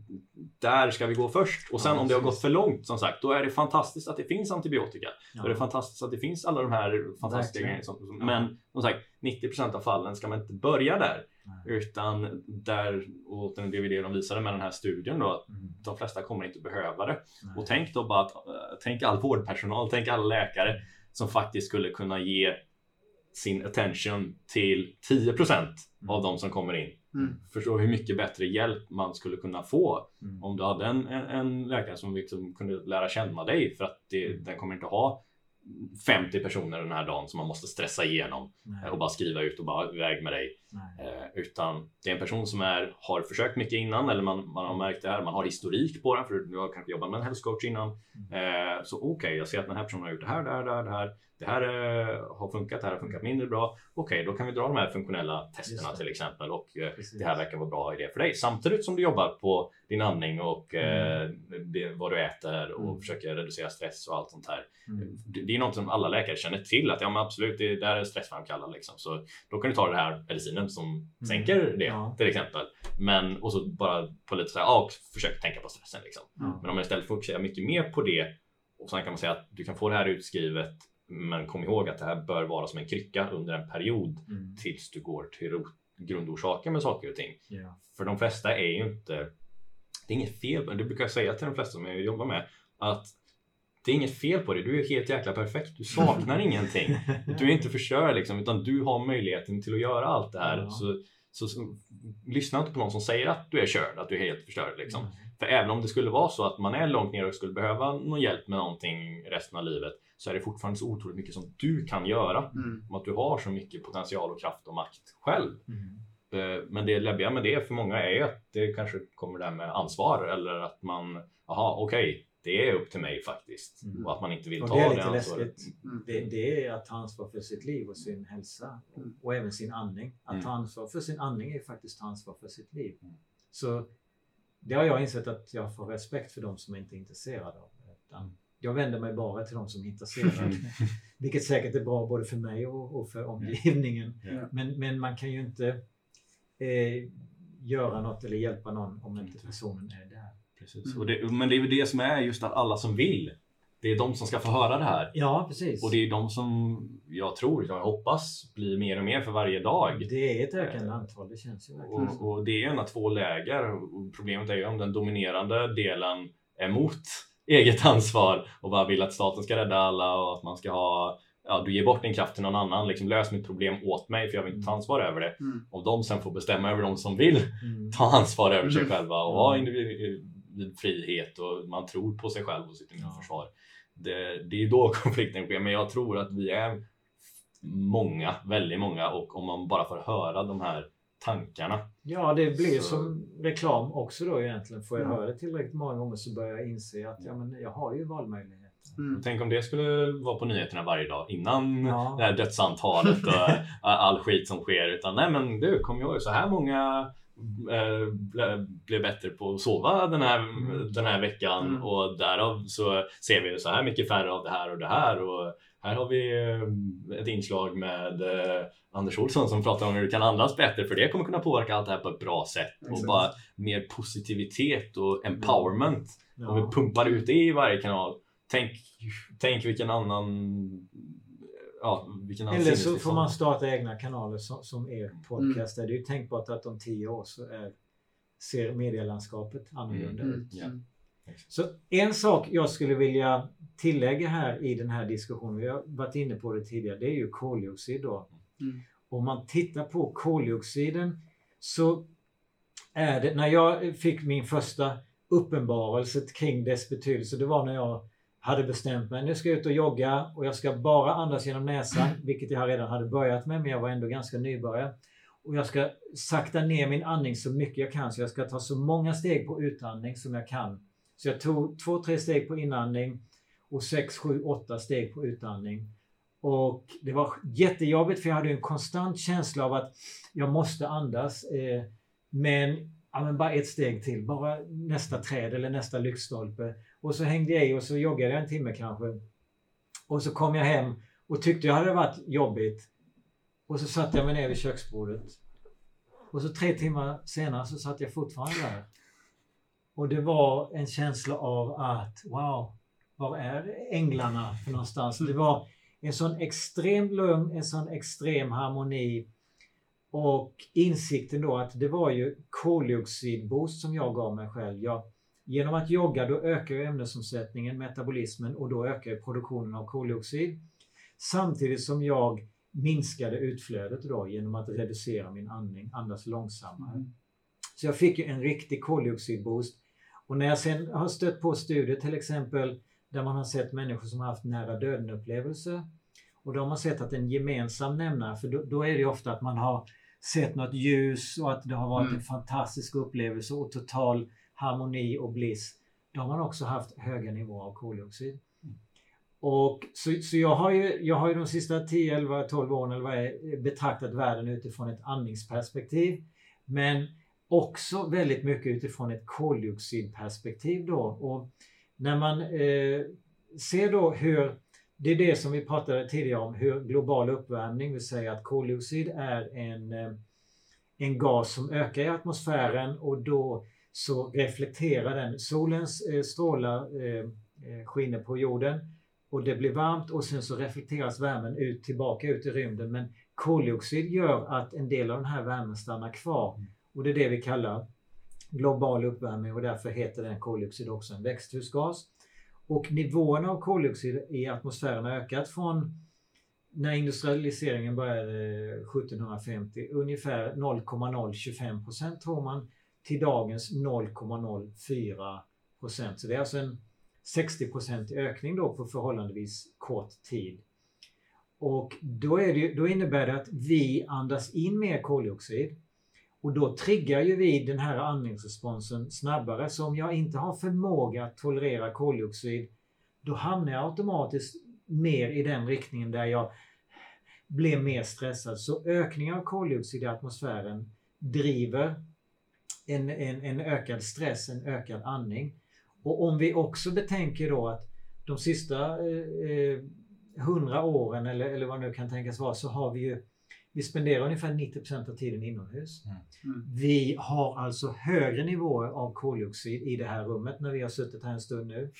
En studie visade att när de tog fem personer satte de i en bil och så, det var ju visserligen artificiellt för bilen stod stilla och det var ingen, eh, ingen eh, luftkonditionering på. Då hade nivåerna av koldioxid eh, på 28 minuter ökat från de här 0,04% eller 400 ppm till 10 000 ppm. Alltså den har ökat 25 gånger på 28 minuter. För att vi är koldioxidfabriker, vi andas ut koldioxid. Så i det här rummet är det säkert en hel del koldioxid nu. Och har jag då inte en, en bra tolerans för koldioxid, då kommer jag alltså att känna mig eh, mer kanske trött, eh, stressad. Hjärnan blir inte syresatt för jag ökar automatiskt min andning men jag märker inte det. Det blir den här låggradiga dolda mm. formen av hyperventilering. Så, eh, vi sitter inte i en bil så mycket fem personer och den är stilla. Men om vi tänker oss, vi flyttar oss till sovrummet, då kanske vi inte heller är fem personer, men vi kanske är två personer. Och det är inte lika trångt, trångt som en bil, men å andra sidan så kanske vi befinner oss där 6, 7, 8, 9 timmar. Vilket då kan göra att vi behöver tejpa munnen på natten för att vi sover i det här sovrummet och då ökar nivåerna av koldioxid. Och då triggar det en snabbare andning och till slut så blir den så snabb så att vi känner nu måste vi öppna munnen. Det är därför som troligtvis som den ger effekt. Man kan ju också lika väl öppna fönstret vilket är fantastiskt bra sätt för att få in frisk luft. Göra både och kanske ännu bättre. Ja, ja precis. Eller, men, men poängen är här i alla fall att vi kommer inte ifrån det här. Vi spenderar mer och mer tid inomhus och det ökar i atmosfären utanför oss och nu under det många upplever lockdown där man spenderar kanske ännu mm. mer tid inomhus. Ja. Många använder mask och då fångar vi en del av koldioxiden i masken som vi andas in igen. Och det man gör då är ju att man öppnar munnen vanligtvis. Mm. Om vi inte har så hög tolerans för koldioxid. Så eh, på olika sätt så behöver vi alltså då lära oss att tolerera det här. Så jag tänker mig ju då att med min upplevelse och det jag har läst och sett och förstått och jobbat med under de här åren, det är ju att det jag undervisar kallar jag medveten andning. Att när vi ökar vår koldioxidtolerans, då ökar vi också automatiskt vår medvetenhet. För vi får kroppen att slappna av. Så om vi ena stapeln representerar adrenalin och kampflykt, då eh, eh, representerar den andra stapeln koldioxid och, och lugn och ro och trygghet. Mm. Och när vi då lär oss hantera mer av inkommande stimuli med ett lugn, en lugn och ro-respons, då ökar vi vår förmåga att tolerera koldioxid. Så om man ska dra två ytterligheter. Här har du en person som sitter och mediterar, är väldigt lugn och avslappnad. Och här har du en person som har en panikångestattack. Vad är det mer än någonting annat som skiljer de här två personerna åt? Det är inte huruvida de har sovit bra eller dåligt, ätit bra eller dåligt, är nyförälskade eller ligger i skilsmässa, har fått nytt jobb eller förlorat jobbet. Utan den avgörande skillnaden mellan de här två tillstånden, det är koldioxid. Här, när du sitter och mediterar, det är ingen som andas på det här sättet, utan det är en lugn, långsam mm. andning som, som eh, har då byggt upp nivåerna av koldioxid i kroppen. Medan panikångestattacken, då är ögonen står rätt ut, andningen är ytlig och snabb, kanske genom munnen. Och det vet vi också att har man panikångest och kommer till sjukhuset, då får man ofta en påse att andas genom. Och då är påsandning, anledningen till att det fungerar, det är för att du andas ut precis som när vi har en ansiktsmask. Du andas ut koldioxid. Man kan också göra så här om man har panikångest, är stressad. Eh, kupa händerna. Då kommer vi att återandas en del av koldioxiden vi precis andades ut. För vi andas ut hundra gånger mer koldioxid än vad vi andas in eftersom vi är koldioxidfabrik. Och då när vi återandas koldioxiden, till exempel den här stressade panikhjärnan då, ihopdragna blodkärl, då fyller vi på med mer koldioxid, ökar koldioxidtrycket så det blir optimalare. Då vidgas blodkärlen och den här syrefattiga hjärnan, stressade hjärnan kan då få mer blod, mer syre och, och slappna av. Mm. Så, så summa summarum då att vi kommer inte ifrån det här att vi behöver lära oss tolerera koldioxid. Eh, och få knyta samman ännu mer eh, just det här när jag kallade syre då den mer manliga energin, koldioxid den mer kvinnliga energin. Det är tänkbart att vi kan se också då ökning av koldioxid i atmosfären och eh, inomhus eh, också sammanfaller med en ökad kvinnlig. Tittar man Mm. i historien så är ju den skriven av män och det, Mm. det har varit män, män, det är kungar och prinsar och, och eh, Mm. eh, religiösa olika figurer som nästan uteslutande har varit män. Det, det är så vår historia ser ut. Men vi ser att eh, den kvinnliga energin är verkligen på frammarsch, vilket jag absolut tror att Ja. vi behöver för att, att få en, eh, en balans i vårt Exakt. samhälle. Mm, absolut. Om, vi, om vi kommer tillbaka där bara till koldioxidtoleransen här då. Ja, Eh, för, för de som lyssnar här, eh, om man inte är expert på inom, inom allt så här så, så är det mycket information. Men om vi kan Ja. få ut något konkret just hur, även om det går in på såklart hur vi andas överlag ja, eh, för att öka koldioxidtoleransen ja, så är det framförallt då, eh, för att, för att sammanfatta det, att vi lär oss andas lugnare och mer medvetet, precis som är temat för allting Ja. här. Men det är ingen specifik övning eller så som du säger just för det här, utan det är mer vad samling, vad allting blir av. ja, det kokar ner till de här eh, enkla principerna jag pratar om, om Mm. då. Där alltså ett, en, ett tydligt tecken på en låg koldioxidtolerans. Det är munandning, det är snabb andning, det är ytlig andning. Medan egentligen handlar det bara om att träna sig själv på att göra det omvända. Att de här Mm. tusen andetagen vi tar varje timme, hur kan jag öka andelen av dem som jag andas på ett lugnt, rytmiskt, långsamt eh, sätt genom, genom näsan?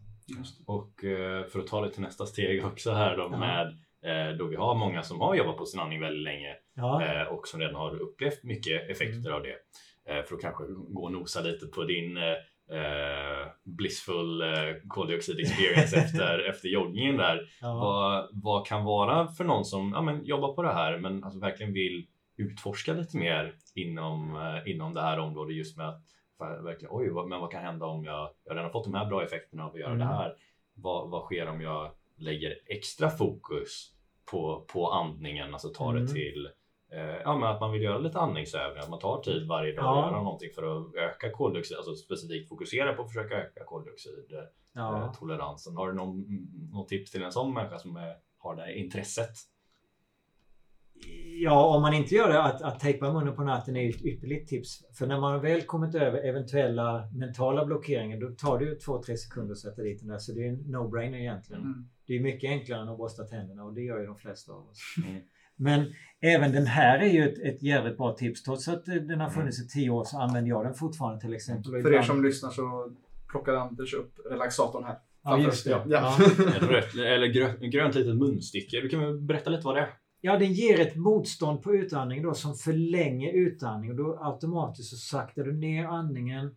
Du får automatiskt en inandning som blir lägre. Du aktiverar alltså din diafragma Mm. och du får också en mer rytmisk andning och inte minst rytmen är extremt viktigt om vi tänker på det. Allt i hela universum i princip har väl rytmer. Vi, vi har årstider, vi har natt och dag, vi har måncykel, menstruationscykel. Mm. Vi har olika hormoner med på kvällstid och en del andra med på morgonen och så vidare. Så att, att åka bil med någon som kör eh, orytmiskt eller att ut och gå, promenera eller jogga orytmiskt. Det är ju inte... Mm. Eller orytmiskt sex, då tror jag inte man når högre höjder. Utan rytmen är extremt viktig och andningsrytmen då ju sätter ju liksom ribban för hjärtrytmen och Mm. hjärnrytmen och, och magrytmen faktiskt. Mm. Så, så det är ett, ett par tips då ju att också göra den här fysiska aktiviteten med stängd Mm. mun och kanske förlängd utandning eller att eh, Mm. eh, och medvetenheten då utan att kanske gå dit där man blir totalt nörd. Mm. Mm. Fast en del, inklusive mig själv, då kanske måste gå den vägen innan man kommer till mer balans. Och en annan aspekt, min favoritandningsövning, det är ju faktiskt en där adressera det som jag tror påverkar väldigt många av oss. De här trauma oläkta eh, traumatiska händelser, oförmåga att hantera känslor så att vi bara stoppar ner dem och flyr ifrån dem. Och den, eh, jag kallar den trygg att uppgradera och då är tanken att vårt nervsystem är först och främst det finns en anledning till exempel till att, att det är mycket negativa nyheter som vi dras till. Vi dras till dem som flugor kring en sockerbit. Det är ju för att eh, vårt sätt att uppfatta vad som inte är bra Ät inte den här flug, flugsvampen eller ät inte gul snö eller vad det kan vara. Det, det, har på ett sätt, eller oj, det där var en, ett farligt djur, det där ska vi undvika. Det, det har hjälpt oss att överleva så vi har troligtvis vårt system är mer fokus på kampflykt, på överlevnad, på att ha koll på faror och, och negativa saker. Och, och, och då eh, eh, tänker jag mig att mycket av våra problem är för att vi hamnar där då i, i trauma. Vi, vi liksom suger det åt oss men så har vi inte verktyg för att eh, hantera dem, sorg eller ilska eller oro. Och, mm. och, och, då hamnar de inom oss och till slut så suger de en massa energi. Och, och, och då, i alla fall den här trygg att uppgradera, då, då blir det att nervsystemet det är först och främst avsett för att skydda oss, för att överleva. Evolutionsmässigt så handlar det ju mycket om survive and, and divide, att överleva och fortplanta sig. Mm. Och Ja, det är, det är nervsystemet, reptilhjärnan. Det första jag kollar på är först, är jag trygg? Är jag ja, säker? Ja, nästa är, är, har jag mat? Och nästa är eh, sex och, och fortplanta sig. Ja, och, och då är ju eh, alltså eh, troligtvis väldigt många av de här installerade programmen, instruktionerna vi har, de har vid något tillfälle varit kloka och bra, eh, strategiskt viktiga för att säkerställa vår överlevnad. Men det är inte säkert att de gör det eh, längre i vuxen ålder eller i andra situationer. Och då innebär det här trygg att uppgradera. Alltså att först förstärker du istället för att tänka positivt eller att springa ifrån det eller vad vi nu applicerar för strategier. När något jobbigt dyker upp, då hugger jag det det kan, det kan vara vad som helst egentligen. Mm. Då hugger jag det och så förstärker jag det med andningen. Så då andas jag in och ett stort andetag så mycket jag kan och så spänner jag hela min kropp och förstärker, är kvar i det här jobbiga. Jag försöker alltså att gå in i kampflykt. Och sen så när jag inte kan hålla andan längre, inte orkar längre, då andas jag ut och så andas jag lugnt och långsamt och helt enkelt uppgradera mitt system. De där instruktionerna som inte gynnar mig längre, nu är det dags att ta dem till nästa nivå. Mm. Um, Menar du att du tänker då på någonting som man försöker bearbeta? Eller är det bara ja, det kan vara att eh, eh, oj, där dök den personen upp som jag inte tycker om. Eller där dök eh, den mm. jobbiga situationen upp mm. på, på jobbet. Det kan vara allt från surdegar till gamla trauma till eh, mm. vad du vill egentligen. Och det, det, bästa är nästan att bara oj, där dök något upp så hugger man det. För, för det visar sig i alla fall i min erfarenhet att det blir massa andra saker som också löses upp då när man hanterar någon specifik eh, jobbig sak.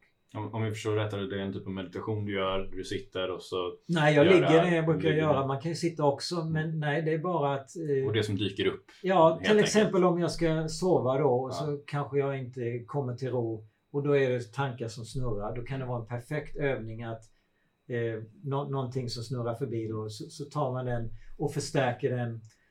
Och sen så är det bara att andas lugnt och avslappnat och mm. rytmiskt och långsamt under några minuter och, och tänker att ja, nu uppgraderar jag, nu är jag trygg, nu ja. låt det ske som ska ske. Mm. Man tillåter sig själv att tänka de tankarna också kanske då att uh, acceptansen, acceptansen är. Ja, acceptans, förlåtelse, mm. Eh, precis. Ja. Trygghet, ja. ärlighet. Ja. För, för att komma in på det lite som vi var där på det med reptilhjärnan. Det kom till mig från, för det är något som man pratar väldigt mycket om i checksystemet som jag är utbildad inom. Då. Ja. Um, och att det kan vara en underliggande stressfaktor är på grund av uh, reptilhjärnan då att den är aktiv. Alltså om du mm. befinner dig till exempel i en skilsmässa eller en relation som stressar dig. Mm. Om det är den här trygghetsbiten eller om du inte ens du, du oroar dig för pengar. Mm. Till exempel, du tror inte att du kan betala hyran. Ja. Eh, spelar ingen roll hur bra du äter och vad du dricker Nej. och så här. För den kommer hela tiden vara aktiv som en underliggande stressfaktor, mm. vilket vi då vet undermedvetet kommer påverka din andning till mm. exempel. Eh, och det här kommer vara en kronisk liggande så tills dess att vi tar, hand om den stressfaktorn mm så kan vi liksom, då, då, håller vi bara på och öser vatten ur båten istället för att täppa till hålet. Ja. Och att man måste alltid komma till den här grundorsaken Mm. i vad det än är. Och som vi kommit fram till i den här diskussionen så är ju andningen ett ypperligt verktyg att använda oss av. Ja. Det, för är- att det är en kunna hitta- del vanligtvis i den här onda cirkeln. Ja. Men, men för att kunna komma tillbaka och hitta det här hålet så för att hitta, hitta det lugnet till att kunna Mm. söka kanske och som sagt få bort skygglapparna och Ja. vidga vyerna så behöver vi komma ner för då kan man märka, aha, oj, där var hålet visst. Där, då kan vi täppa Mm. till det. Just det. Men som sagt, det, det kommer ju inte komma fram om vi inte tillåter oss själva att... eh, Nej, inte nödvändigtvis när vi är här uppe i alla fall. Då är det stress och har skygglapparna. Utan ofta så, så be, behöver vi ju eh, sänka eh, Mm. hastigheten lite. Just det. Ja. Ja, det är mycket, mycket intressant och detta är faktiskt vårt lång, längsta poddavsnitt hittills så jag är jättenöjd med det faktiskt.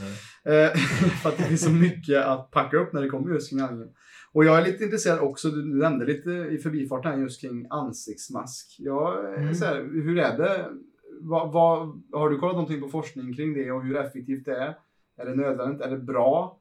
Eh, och just det här att vi tappar för så att vi också andas in vår egen koldioxid Mm. eh, genom att ha det på längre tider. Vad, vad tänker du kring det? Jag kan inflika där också bara innan, innan du svarar just att vi jobbar ju många av våra klienter, jag vill säga på nästan majoriteten av dem jobbar inom vården. Av någon anledning så, så är det eh, en dominerande klient som vi har. Eh, Mm. Kanske inte är 50% men det är, det är en, om, vi ska ta en yrkesgrupp som vi har mer än några andra av så är det folk från vården. Och många av dem har ju uttryckt i coachingsamtal med oss och i uppstart just när jag nämner andningen och då kommer det här fram att ja, det är riktigt tufft nu just på grund av att man är en jäkla rymddräkt, måste andas genom här och visir och allt. Och man, ja, det, det påverkar andningen så negativt och jag märker nästan varenda person inom vården som jag jobbar med som måste ha allt det här eh, utan att ens ha tänkt på att de har en ansiktsmask och allt sånt där. Att, eh, Ja. att eh, de har en väldigt stressad andning visas väldigt tydligt från analysen och eh, faktorer som vi vet påverkas av andningen. Och när jag nämner det så jag, ja, alltså jag det är bara så svårt. Så Ja. vad, eh, vad ska jag göra? Frågar de mig. Mm. Jag, jag brukar säga, ja, men åtminstone dra ner den så att näsan är fri. Mm. Eh, ja, har du lite tankar kring det? Vad... Nej, det, det är ju som jag menade innan då, att koldioxid ökar för vi har ju eh, då ökning i atmosfären och vi vill spendera mer tid inomhus troligtvis än, än för hundra år sedan. Och vi har också tätare hus som gör att det samlas mer koldioxid. Och, så vi exponeras för mer och då har vi möjligheten att lära oss tolerera mer koldioxid eller att då gå mer i stress och Mm. kampflykt. Och här ökar vi det med en faktor 1 eller 2 eller 3 Mm. eller 5, jag vet inte. Men det blir ju väldigt... Mm. Jag, jag använder inte själv mask, men jag har testat ett antal gånger. Och både när jag sitter vid skrivbordet och också ute och promenerar och så här. Och det blir ju en nivå till av andningsträning. Så Mm. om, jag, jag kan ju se, och det finns ju faktiskt produkter, training mask finns det någon som heter. Då tar man på den eh, och då kommer det att öka. Eh, man kommer att andas in mer koldioxid då. Mm. Och då ökar man den här, eh, eh, är tanken då att man ska öka sin träning för att tolerera eh, koldioxid. Så om man då inte har så stor koll på sin andning och sen så får en mask på sig, Mm. då är det ju kanske inte det lämpligaste eh, andningsträningsverktyget. Då är det ju troligtvis lite för mycket som gör att man hamnar där, där man blir mer i stress, munnen åker upp Ja. och då blir det istället för att hjälpa en, då är det som att gå till gymmet och istället för att göra, om jag aldrig har varit där, och göra två armhävningar eller tre armhävningar så gör jag första eh, dagen hundra. Då, då blir det för mycket för mig. Det blir för stor belastning. Så det är ju stor risk och så kanske det är stressigt jobb och man ska vara där och man ska Mm. vara där och att då munnen åker upp. Och det sänker ju immunförsvaret om något. Det sänker, för det tar dig automatiskt till kampflykt då. ju. Mm. Så, så då blir det ju en ond cirkel. Så då Mm. behöver man ju extra mycket träning. Mm. Så, ja, de, så de som befinner sig i en sån situation där man inte kan eller man är tvungen helt enkelt. Det är, gör ditt bästa med det här utanför när man inte måste Ja. ha det. Men också Och kanske om man kan ta pauser här Ja, och där. Fem ja. minuter här eller fem minuter där och bara ta av den här Mm. masken och Mm. andas lite genom näsan. Ja, och jag brukar säga som sagt, ta ner den så att näsan är fri ändå och andas genom näsan om någon säger till dig. Men också att det går att träna upp förmågan. Så även om munnen åker upp så, Mm. så kan man ju om man är medveten om Ja. fördelarna med näsandning. För det Mm. är ju vårt första försvar mot bakterier och virus och partiklar. Mm. Så, så när man får frågan, ska man använda mask eller inte? Eh, då, då, då, känns det lite tokigt om jag tar på mig mask och sen öppnar jag munnen. Mm. Då, då helt plötsligt så... så det naturliga filtret som ja, Ja, det naturliga filtret. Då ersätter vi det med ett konstgjort. Mm. Som är troligtvis mindre effektivt. För, för det här... Det, Särskilt tänker jag om man använder det i, i vardagen kanske, om man inte byter så ofta. Ja, det ska mycket bakterier bara ner. Ja, det, det, samlas ju en del och det blir fuktigt där ju, för det är fukt i utandningsluften. Så... Mm. Jag, menar, jag, jag ser ju bara, alltså, när man ser vilka masker som faktiskt är effektiva det, det, är ju inte de här eh, engångsanvändning eller en tygplätt liksom utan mm. alltså, fibrerna där är ju så otroligt stora mm. och viruspartiklar är väldigt, väldigt små. Mm. Eh, så menar, om man ska vill göra det här ordentligt så ska du ha den här liksom, Darth Vader-masken som man ju ser några gå runt med. Men det känns som att många kanske gör sig själva en otjänst i att ha någonting som är mindre effektivt om det då får den att till och med koppla ut ditt naturliga filter som sagt via ja. näsan. Det, och det är tråkigt att man tar... För i näsan här, med, här tillverkas ju kväveoxid som mm. är, det är både antiviralt, mm. antifungalt och antibakteriellt. Alltså bakterier, virus, eh, fungi gillar absolut inte mm. kväveoxid. Och det, det, det kryddar ju, det följer med inandningsluften ner när vi andas genom näsan men inte när vi andas genom munnen. Då, då, Intressant. Ja. Det, det ska man också se när man är ute på stan. Sagt, de flesta har ju inte mask liksom. Men sen dess jag läste din bok så blir man ju bara medveten om hur många som ja, går med öppen mun. Ja. Alltså det är, när, den som lyssnar på det här kan tänka på det nästa gång ni är ute och går. Kolla på människor hur de, ja, kolla bara på munnen. Den är ja. väldigt ofta öppen och det är väldigt, nästan lite skrämmande. Just att, det, att det är så då man vet hur mycket det påverkar. Och det, Men det är också talande för vart vi befinner oss just med Ja, det, då indikerar det att vår förmåga då är att tolerera koldioxid mm har förbättringspotential. Ja, exakt. Så kan, precis, det, och det är så det sättet vi vill se det här. Ja. Det, finns på, det är inget fel med det, men det finns på förbättringspotential, vilket är jättebra. Och det kan vi använda oss av. Mm. För i den mån att vi har förbättringspotential, det brukar jag säga i samtal där när folk säger oj shit, det, det, det är, så mycket, uh, det är så mycket som är fel med mig. Jag bara, det är jättebra att det finns så mycket potential för du, ja. du överlever ju här du är nu. Så ja. i och med att vi gör en förändring så kommer du få jättemycket av det. Så att vi har så mycket med Fatta hur mycket bättre mm. du kan kan må. Ja. Eh, just att man vänder på det, för det är ju alltid två sidor av samma ja. mynt. Va? Man kan se det som att ja, det är kast, men nej, det är förbättringspotential. Mm. Så det, det, är vad det är. Men hur du ser på det, det, ja. det är det som avgör hur du reagerar. Mm. Intressant. Intressant. Och jag, jag är lite nyfiken Anders på eh, byter lite ämne här. Att ja. just, du håller ju på med just andning, andningsforskning och väldigt, alltså du är ju en eh, pulmonaut som vi, som vi kallar det. Eh, vad, för dig som har redan läst så mycket och mm. har utbildat så mycket kring detta. Vad inspirerar dig just nu? Och vad är det du jobbar och forskar kring just nu? Framåt här nu. Ja, jag är ju en nyfiken själv. Jag vill ju veta, jag vill ju förstå, jag vill ju försöka fortsätta lägga det här pusslet som har eh, inte två eller fem eller tio bitar utan tusentals bitar känns det som. Och det som jag egentligen hållit på med i tio år. Och, och eh, mer än någonting annat så, så, är ju drömmen att skapa eh, ett forskningsinstitut och där egentligen från dag ett har jag önskat en apparat som kan göra det mätbart som gör att människor inte bara ska förlita sig på att jag säger att ja, men jag, jag ser att, att, din andning den kan nog förbättras eller att de bara ska kunna subjektivt känna att ja, men innan en astmaattack så tror jag att min andning inte är så himla bra etc. Så vi lever i en tid där vi har allt fler sådana här elektroniska gadgets och då håller jag på att utveckla en apparat.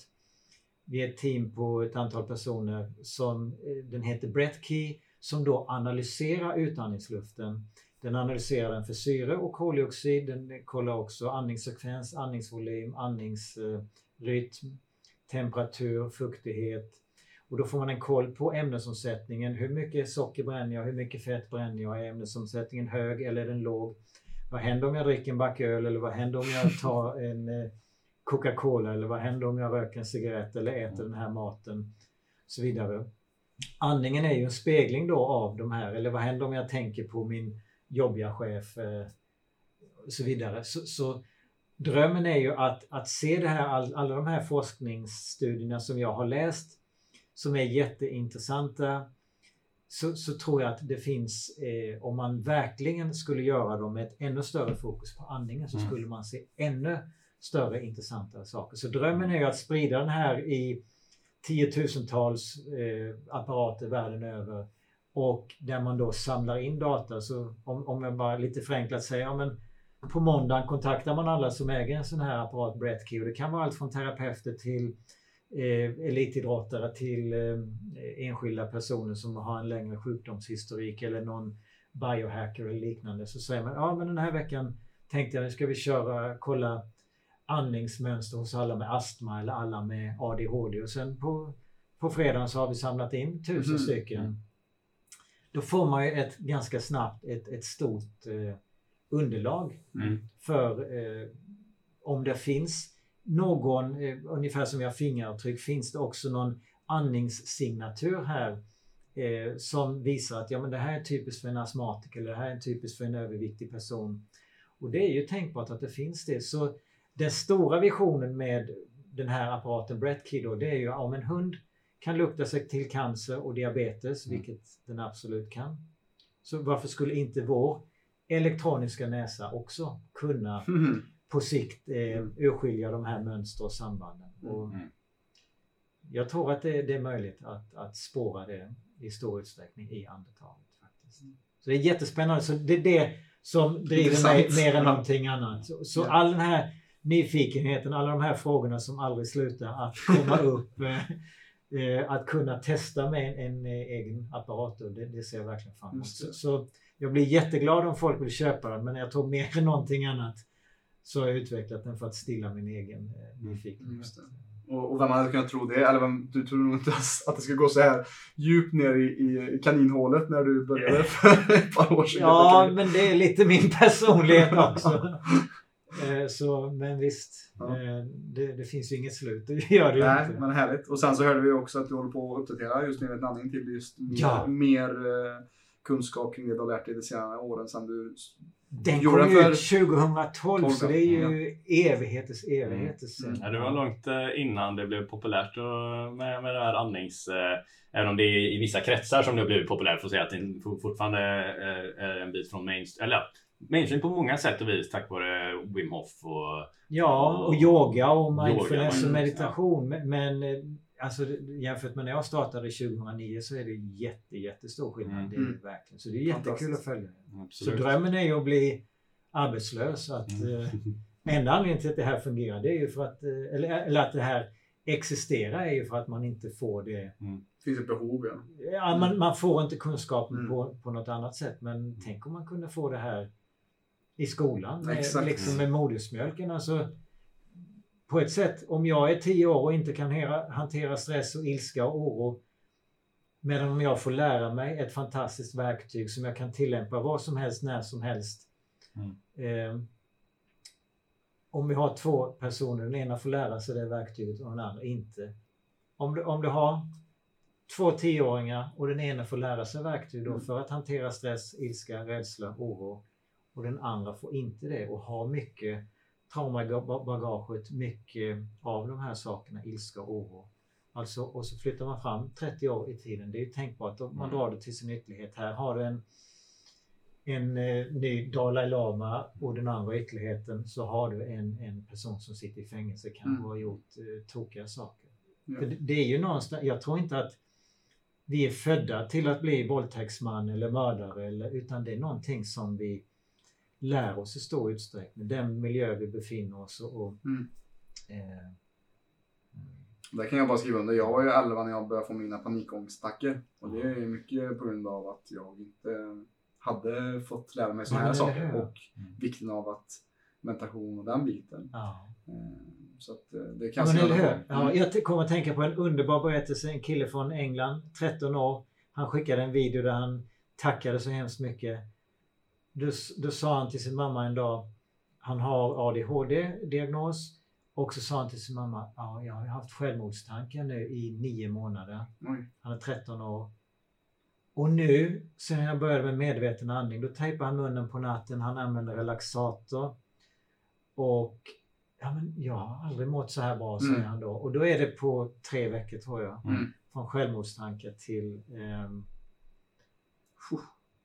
Ja, jag, jag fick ju tårar i ögonen när jag pratade med mamma. Det var helt fantastiskt. Och, för det är det mer än någonting annat jag hade önskat när jag var i den åldern Ja. och inte hade förmåga att stänga av eh, Just det. eh, min turbo. Mm. Ja, nej, det är precis som du säger, att vi har ju en vi föds förmodligen med olika förutsättningar, gör vi. Men, Ja, men gör sen vi. så har vi ju som sagt alla, och det, det skiljer sig ju från person till person. Men vad vi alla har tillgång till är ju det här verktyget. Ja, ja, vi har ju genetiska, det är ju en uppsättning instruktioner, våra geneter. Men sen har vi ju instruktioner som vi laddar ner på. Alltså, det där är ju både curse a blessing. Jag är uppväxt på bondgård och då såg man varje gång en ko kalvade. Det var ju fantastiskt. Men så var hon också helt fascinerad. Det tog tio minuter kanske så kunde den här Mm. kalven både stå och gå. Vi människor, vi är ju födda, vi kan ju ingenting. Vi är totalt hjälplösa. Men å andra sidan har ju vi extremt stort utrymme för att ladda ner instruktioner. Den här kalven, den läser fem år senare, kan den inte mycket mer än att gå och äta. Liksom. Mm.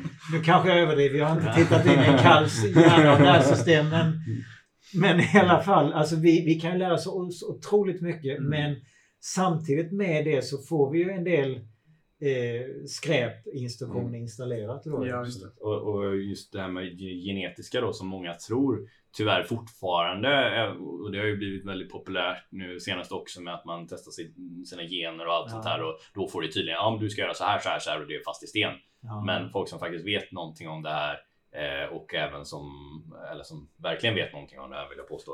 Eh, och även om vi kommer till epigenetik till exempel som Bruce Ja. Lipton pratar om mycket så här med att vi kan ju påverka, alltså vi, visst vi har en viss sätt av gener men beroende på yttre stimuli Mm. så kommer vissa kunna kopplas på eller kopplas av Mm. Ja. och att det är så komplext så att det, det går liksom inte bara säga ja, ah, här är du, här är din karta, det här är det som gäller. Nej, för beroende på faktor A till Z så kan det slänga en ja, monkey wrench in the system och vända upp och ner på det. Mm. Eh, och, och som sagt, det vi har, även om vi har de här fast inkodade sakerna från början Mm. så är det mycket av det som kommer kunna justeras. Även om du har en cancergen till Mm. exempel. Ja, visst, du har en gen med det, men om den är på eller av, det är många andra faktorer som spelar roll där. Ja. Det, det är som sagt de här yttre grejerna och det kan du reglera. Precis. Och ett exempel är ju alltså hur eh, den miljö jag- jag befinner mig och de val jag gör, hur de påverkar då vår biologi. Ett enkelt exempel är ju ett, ett äppelträd. Det ger ju inga äpplen på vintern. För då är signalerna utifrån, det kanske är snö och drivis och, och kallt och elände. Då, genen för att tillverka äpplen finns året runt. Men signalerna utifrån stimulerar inte den genen att tas fram utan det blir när det blir varmare på våren Mm. det är mer mekanismer. Men generna finns det hela tiden men det är ju då miljöfaktorer som, som, som påverkar, som avgör. Ja, och där, där kommer vi liksom från det här genetiska determinism-tänket Ja. till att nej, vi har möjlighet att kunna påverka. Sen så är Ja. det absolut att du förmodligen kanske har en större fallenhet för Ja, någonting. så är det ju. Eh, Men om du vill leva i det och cementera att det kommer bli så. Ja, precis. Då ska du fokusera bara på det och tänka att du är helt hjälplös. Ja, Eh, Och då är du helt upp till någon annan makt liksom. ja, Men du kan också välja att okej, jag har en större fallenhet för det så då kanske det är viktigare för mig att tänka på att undvika de här sakerna som kan trigga det och Ja. jag tar ansvar över det här och det här. Eh, och jag har faktiskt kraften att kunna styra. Mm. Men Nej, gen är ju en uppsättning instruktioner men det är ju mer, eh, alltså det är ju så långt ifrån hela sanningen. Så, så det, är ju, det är ju väldigt empowering som det Mm. vad heter det på ja, svenska? så att man upplyftande. Upplyftande. Upplyftande Stärkande. och Stärkande. stärkande. Att känna att jag kan faktiskt påverka. Det Ja. är ju eh, inte särskilt stärkande att eh, säga ja men eller tro på det att jag har de här generna eller det här jag får leva med. Jag Mm. kan inte göra någonting annat. Så bara när man, man har kartlagt vårt genom och vi har ju någonstans 22 000 gener tror jag men en banan har ju Ja. 35 000 gener. Alltså, vi kan inte förklara hela vår komplexitet med, med gener. Men det, men det är också ett annat talande exempel. Det finns en, en, en stad i England, Devon heter den, Mm. där man har eh, brutit arsenik. Mm. Och arsenik, äter vi det då, då dör vi för det blockar i mitokondrierna. Så vi inte kan tillverka energi. Men då finns det Devon-dagmasken. Den här dagmasken lever i den här marken där man har brutit arsenik. Och det är 170 år sedan man stängde den gruvan. Om man tittar då på den här dagmaskens gener och så jämför det med en- vanlig dagmask.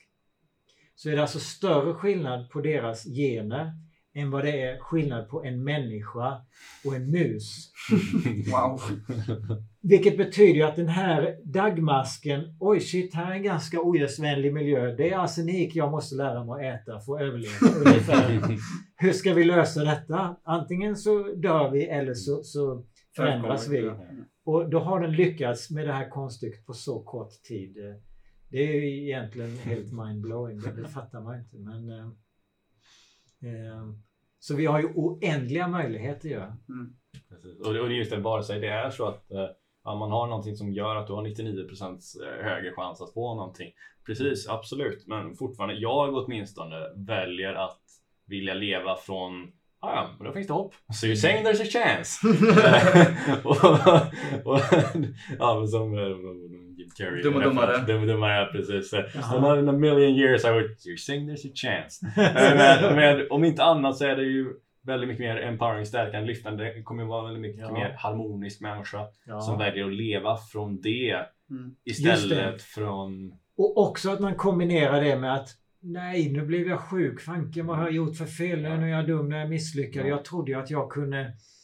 Eh, jag trodde ju på det här. Jag är- gör det och jag äter det och, och det och sen blev jag ändå sjuk. Ja. Det här är ju att det är faktiskt en del av livet och jag Mm. tänker ett, ett syfte med, med vårt liv det är ju faktiskt att öka vår medvetenhet, att Mm. bli klokare, fatta klokare beslut. Ja.